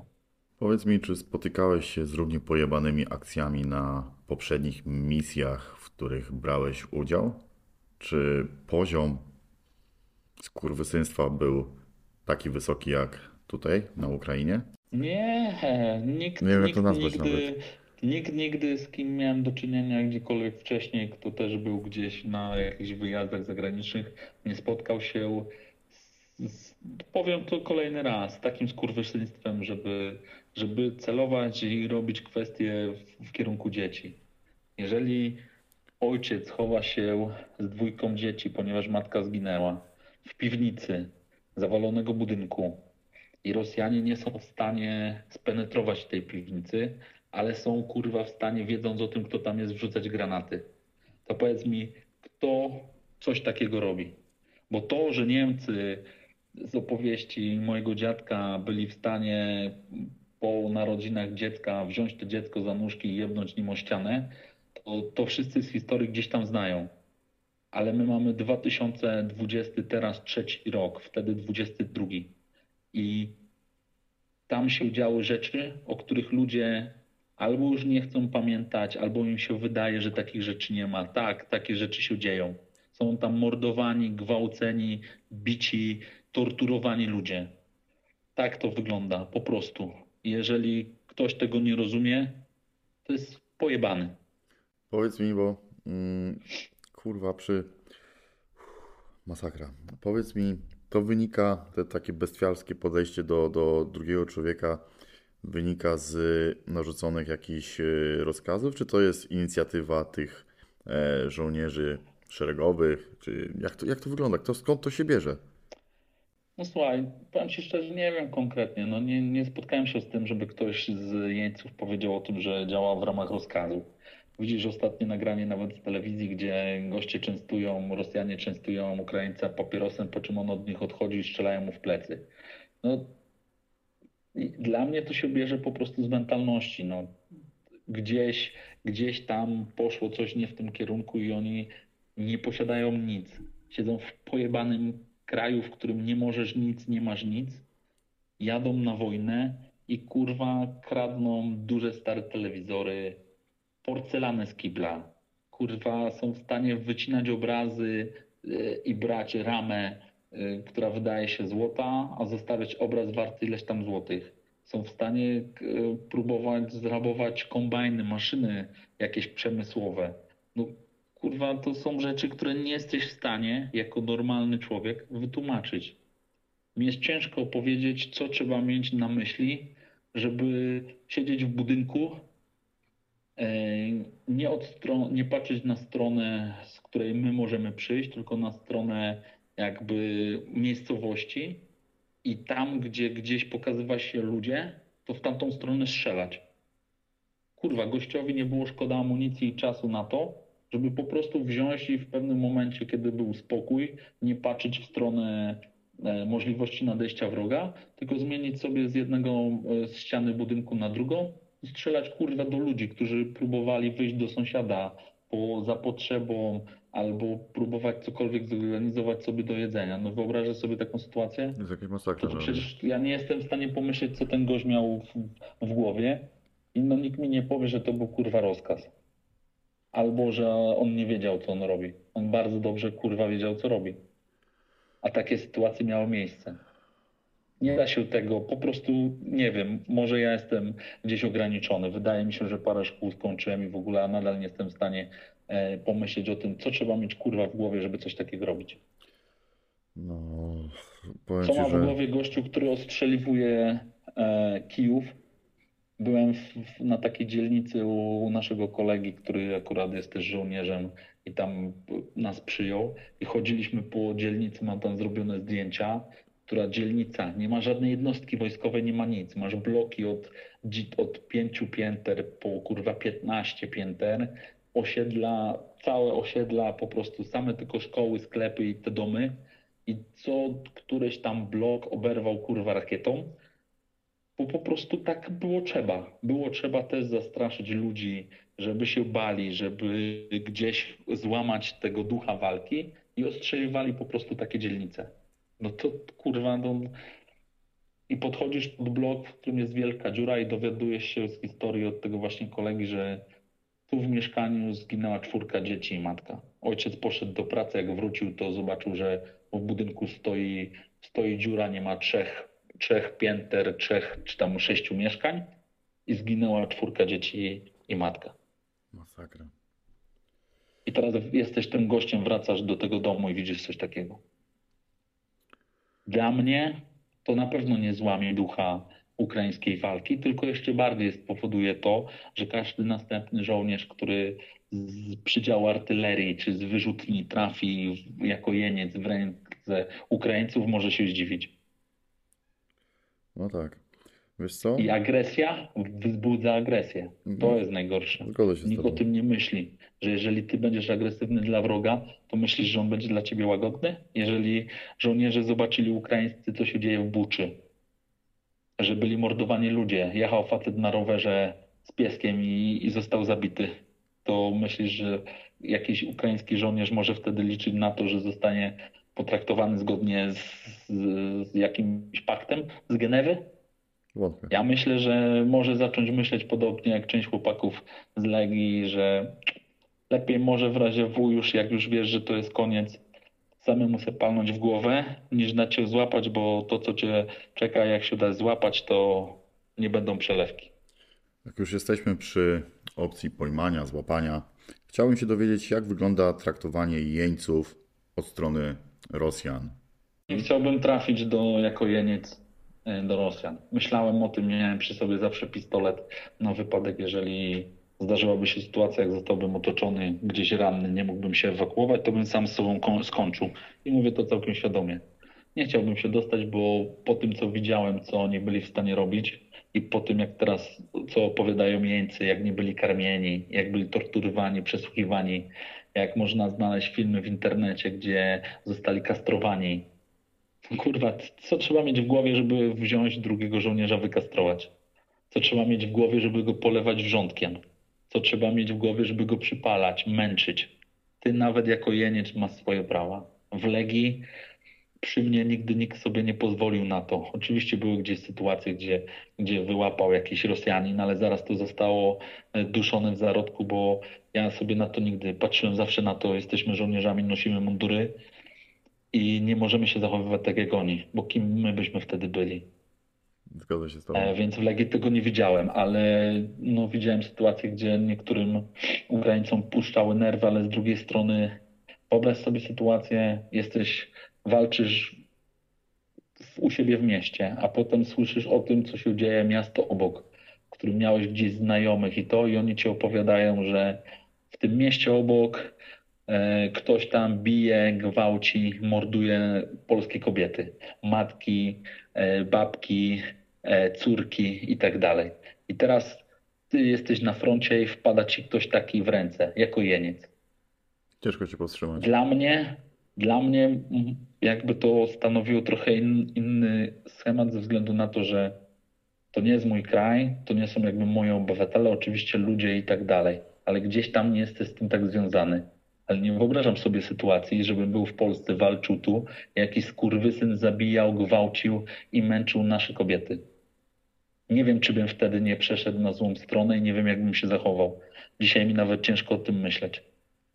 Rozumiem. A Są to naprawdę rzeczy, które ryją beret i trzeba mieć bardzo dużo samozaparcia, żeby się nie odpalić i nie przekroczyć pewnych rzeczy, których później nie da się, z których jakby przekraczając je nie da się wrócić na drugą stronę. muszę przyznać, że nie spodziewałem się takiego ładunku emocjonalnego. Ale pójdźmy dalej. Y, Jak wygląda ogólnie odbicie miasta? Chodzi mi pod względem, wiesz, jest, y, miasto jest zajęte przez y, Rosjan, e, wchodzicie, wchodzi Ukraina, wchodzicie wy jako legion, udaje się odbić miasto. E, Jaki jest sygnał, że wszystko ok i zaczynają na przykład cywile wychodzić z ukrycia?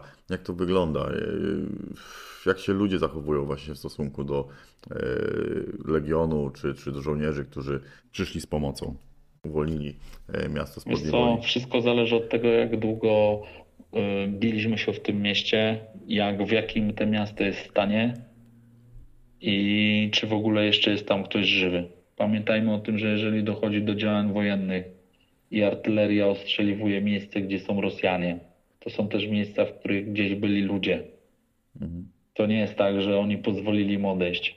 E, Mariupol pokazywał, no były miejsca w, na Ukrainie, które pokazywały, że Rosjanie najpierw te miasto niszczyli, potem je zajmowali i po prostu nie pozwalali ludziom stamtąd uciekać, tak? Trzymali ich tam, bo wiedząc o tym, że Ukraińcy będą chcieli, będą się bali ostrzeliwać pewne miejsca po to, żeby nie zabijać swoich. Czyli zrobili, Więc tak robili wygląda. tarczę, można powiedzieć, tak? Tak, po prostu sobie na przykład ko- była gdzieś zgrupowanie ich wojsk i oni najlepiej obstawiali to, że tak powiem, w jakichś takich dzielnicach, domach, gdzie było wiadomo, że są cywile. Często gęsto też kazali im gdzieś na przykład przesiadywać przy oknach, żeby było widać z daleka, że, że oni tam są. No i teraz musisz prowadzić tak działania, żeby jak najmniejszą szkodę zrobić e, cywilom. Wiesz, ludzie wychodząc tam, wychodzą w szoku, wychodzą zmieleni siedzeniem na przykład pod ostrzałem, czy też pod całym cza, cały czas z takim zagrożeniem życia. Czasem się cieszą, czasem nie ma z nimi kontaktu, czasem po prostu sami nie wiedzą, jak się mają zachować. Eee, czasem na przykład są to ludzie, którzy są gdzieś prorosyjscy, bo takich też żeśmy spotykali, którzy gdzieś tam nazywali nas zabójcami, najemnikami i innymi e, i kazali nam, że tak powiem, grzecznie wypierdalać, bo to jest ich ziemia i my tu jesteśmy najeźdźcami. E, no, są to takie też ciężkie, ciężkie chwile, tak? Kiedy wychodzi z rozwalonego budynku e, rodzina i okazuje się, że, że wynoszą dwójkę dzieci. Albo mąż, który gdzieś e, wynosi ciało kobiety i praktycznie na swoim podwórku e, montuje jej grób. Bo takie sytuacje były. No jest to, no jest różnie. Ciężko mi sobie to wszystko wyobrazić, że to dzieje się za granicą. Naszą granicą. Tak, to się dzieje, żeby każdy miał, kto tego słucha, jasność. To nie jest drugi koniec świata. Jak wsiądziecie dzisiaj w samochód w Przemyślu, to w parę godzin jesteście w stanie znaleźć się w miejscach, które już dzisiaj nie wyglądają tak jak przed wojną. I ten cały świat wokół tego jest zupełnie inny. A ciężko dzisiaj na Ukrainie znaleźć kogoś, kto nie stracił kogoś w kwestii działań. I to nie tych, ale już od 2014 roku ja się spotkałem z taką osobą, która straciła bodajże 6 albo 7 osób ze swojej rodziny. Od 2014 roku. Ogólnie to, co opowiadasz, to w głowie mi się nie mieści. Mm, I mam wrażenie, że kolejne Twoje odpowiedzi na pytania, które przygotowałem, będą jeszcze mocniejsze. Ale idźmy dalej. Jeżeli mamy okazję, chciałbym jeszcze troszeczkę podrążyć temat podejścia Rosjan do, do wojny. Czy Rosjanie stosują mm, broń chemiczną podczas walk na Ukrainie? Nie spotkałem się z tym, chociaż był, były takie chwile, gdzie, gdzie byliśmy ostrzegani, gdzieś montowaliśmy gaz maski i była mowa o tym, że mogą pójść w tym kierunku. Była, była, była taka chwila, gdzie mówiło się o tym, że Rosjanie ze względu na to, że niemożność zdobycia pewnych miejsc, po, po, jakby dojdą do momentu użycia broni chemicznej. Nawet było mówione o tym, że może się to skończyć z użyciem taktycznej bro, broni atomowej, czyli po prostu użyciem jakiejś małej głowicy do zniszczenia większej dzielnicy bardzo dużego miasta albo całego miasta, mniejszego, większego, czy, czy jakiejś miejscowości. Nie, nie, nie ten, nie spotkałem się z tym. Jedyne z czym się spotkałem to faktycznie z tym, że byli gdzieś tam w stanie używać jakiejś broni, która jest zgodnie z niektórymi e, krajami i prawami zakazana, czy to jakichś bomb kasetowych, czy, czy, czy fosforowych.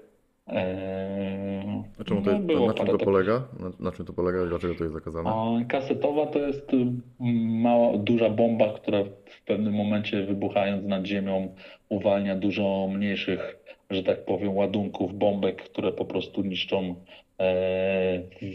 duży obszar. Mhm. E, no ale nie wszystko to wybucha, potem to część z nich to są y, niebezpieczne miny, niebezpieczne ładunki, które zostają. No i fosforowe tematy, gdzie e, fosfor jest, jest, e, że tak powiem, jakby ciekłym materiałem, e, który łatwo, łatwo się upali w wysokiej temperaturze i jeżeli to spadłoby na ciebie gdzieś na, na człowieka, no to jest po prostu w stanie wypalić mundur, ubranie, no wszystko pali i przechodzi przez nawet metal. Więc e, słyszałem takie opowieści, że gdzieś, gdzie zostało to użyte, czy gdzieś, gdzie jakiś ładunek wybuchł taki, to po prostu czasami jedyną metodą było użycie noża i gdzieś, wiesz, prawie że wycięcie razem z tkanką tego, no bo, bo to jest po prostu w formie jakby kwasu, tak? Mhm. Tylko zarząd, e, to jest tak jakby kawałek metalu po prostu taki ciekły wypalał, wypalał w tobie, w tobie ranę. Skoro to, Jest to to- jest zakazane, to jestem w ciężkim szoku, że w tych czasach e, takie, takie akcje mają miejsce i jakby o tym się nie mówi. Nie ma żadnych Ale zabijanie, zabijanie cywili jest też łamaniem prawa. No tak, Zabijanie tak. jeńców albo traktowanie ich niezgodnie z prawem, które nadaje ci jakby jako jeniec. No, sam zresztą Putin powiedział, że żaden z legionistów nie będzie traktowany jako jeniec. Mhm. Zresztą to miało, ta wypowiedź jego była później jakby mówiona w Legii o tym, że no lepiej, żeby żaden legionista nie wpadł w ręce żywy, że tak powiem, Rosjan, bo może się to skończyć tak, a nie inaczej. To są, to są rzeczy, które po prostu są jakby jawne i zresztą pójdź, pójdźmy dalej w rozmowie o nich. no, Zestrzelenie samolotu pasażerskiego no tak, odbyło się na Ukrainie, w- terytorium Ukrainy. no. Ze sprzętu rosyjskiego jest nagrana rozmowa gości z wyrzutni, którzy się cieszą, że zestrzelili samolot do momentu, kiedy e, oficer rosyjski nie mówi, że nie zestrzeliliście wojskowego samolotu ukraińskiego, tylko zestrzeliliście samolot e, pasażerski. No i co? Kto został za to ukarany? Holandia skończyła swoje raporty. Wszyscy wiedzą, że była to wyrzutnia rosyjska, e, wystrzelana przez separatystów szkolonych przez nich i tak dalej. Wyrzutnia w jednym czasie jest nagrana na monitoringu, jak wjeżdża na terytorium, potem wyjeżdża już bez jednej rakiety, e, bo to był system Bug do zestrzeliwania samolotów. No i powiedz mi, pomimo tego, że jest to złamanie wszelkich praw, rzeczy i tak dalej, kto tam został za to, że tak powiem, gdzieś oceniony, e, czy, po, czy dostał jakąś, jakąkolwiek karę? Wiesz co, ja pamiętam tą sytuację, ale nie pamiętam właśnie, żeby jakieś konsekwencje były wyciągnięte, ani żadnego Ja, jakiegoś... no to powiem Ci, muszę Cię rozczarować, do dzisiaj nie ma żadnych konsekwencji. Pomimo tego, że zginęło tam ponad 200 osób, e, powinny być wypłacane jakieś rzeczy, w ogóle zadośćuczynienie, ktoś powinien być karany. Wszyscy to mają w dupie. Masakra. Przypomnieć Ci, jak byli traktowani żołnierze e, polscy w Iraku za sytuację z Nargarkel, gdzie został przez wadliwy sprzęt ostrzelany, ostrzelani, zostali cywile i tam e, paru zostało rannych, kto zginął. Nie, nie. Zostali wytargani z domów przy swoich rodzinach e, przez żandarmerię wojskową. Potem byli osądzeni, nazywani w Polsce mordercami. To i po paru, paru latach ktoś w końcu zamykając tą sprawę powiedział, że jednak nie byli winni, stało się jak się stało, nie są odpowiedzialni za to. Mhm.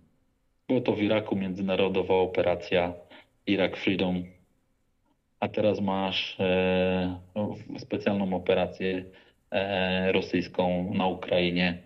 I możesz, tak jak byłem na tym placu, e, możesz wprowadzić ponad 70 kobiet na plac, które wcześniej biłeś, gwałciłeś, zabić je, a potem wsiąść w transporter, rozjechać je na miazgę i stojąc na tym placu, patrząc na ten plac, jeszcze na te ślady, które tam powstały, pozostały po, po tym, jak padał deszcz, nie deszcz i tak dalej, po prostu nie zostało to wszystko zatarte. E, stojąc tam z Ukraińcem, on stojąc, mówiąc mi o tej historii, pokazując filmiki, zdjęcia, jak to później wyglądało. Podniósł fragment ludzkiej czaszki z tkanką ziemi i powiedział: Zobacz, Janek, co te skurwysyny robią z naszymi kobietami. Nie mam pytań. Tak wyglądają prawa wojny, prawa Rosjan. I tak to wygląda. Winnych do dzisiaj tej sytuacji nie ma. Jest jeden e, żołnierz, który został gdzieś tam wzięty do niewoli, któremu Ukraina postawiła zarzuty i dostał tam, nie wiem, dożywocie czy coś. Słyszałem. Dwudziestoparoletni. Słyszałem o tym. No to jest jeden. A gdzie reszta? Gdzie dowódcy? Gdzie odpowiedzialność prezydenta Putina, który wydał rozkaz i skierował te wojska na terytorium Ukrainy? Myślę, że nie doczekamy się, że będzie sądzony w Hadze, tak jak zbrodniarze wojenni hitlerowscy. Mm, Wątpię to. Ja też. No i właśnie Wiesz co, ogólnie to myślę o Rosjanach i o tym, co, co może ich spotkać, jaka kara. Powiem Ci, Jeden miałem, z moich przyjaciół powiedział, że kara, która może spotkać Rosjanina odpowiedzialny za takie rzeczy, to jest kula w łeb. Mm, też tak myślę. Taka jest, takie jest nastawienie. Muszę się przyznać, że grubo zastanawiam się nad kolejnym pytaniem, które chciałem zadać, bo już tyle tutaj strasznych rzeczy powiedziałeś. To jest dla mnie jakaś, jakaś rzeźnia, masakra. Widzisz, nie rozmawialiśmy o tym wcześniej, nie ustawaliśmy pytań. Mhm. Powiedziałem ci, że zresztą sam się spodziewałeś o tym, że to będzie mocny materiał. Mhm. Nie nagrałem, miałem już gdzieś tam swoją chwilę na nagranie jakichś materiałów, które znasz. No jest to mega ciężki materiał, bardzo mocny, ale z drugiej strony podjąłeś się tematu, który nie jest miły, nie jest fajny, jest kuresko ciężki i targa mega emocje, bo, bo targa. Szczególnie mojej osoby, która tam była i widziała pewne rzeczy. Jest to naprawdę dla mnie też ciężki kawałek, e, żeby z powrotem wrócić do pewnych rzeczy, no ale uważam, że nie można nie mówić o pewnych kwestiach i zostawić je, żeby ludzie żyli gdzieś w nieświadomości. Może więcej ludzi posłucha nie mas mediów i bajeczek, tylko właśnie Twojego materiału w takich miejscach i bardziej otworzy oczy i zrozumie kwestię tego, co tam się dzieje. No dobra, to lecimy po całości. E, najgorsza zbrodnia, do której posunęli się Rosjanie, której byłeś świadkiem lub o której słyszałeś? Odpowiedź na to i jeszcze kilka innych równie mocnych pytań znajdziesz w drugiej części tego wywiadu. Dziękuję za Twój czas i uwagę. Narrator.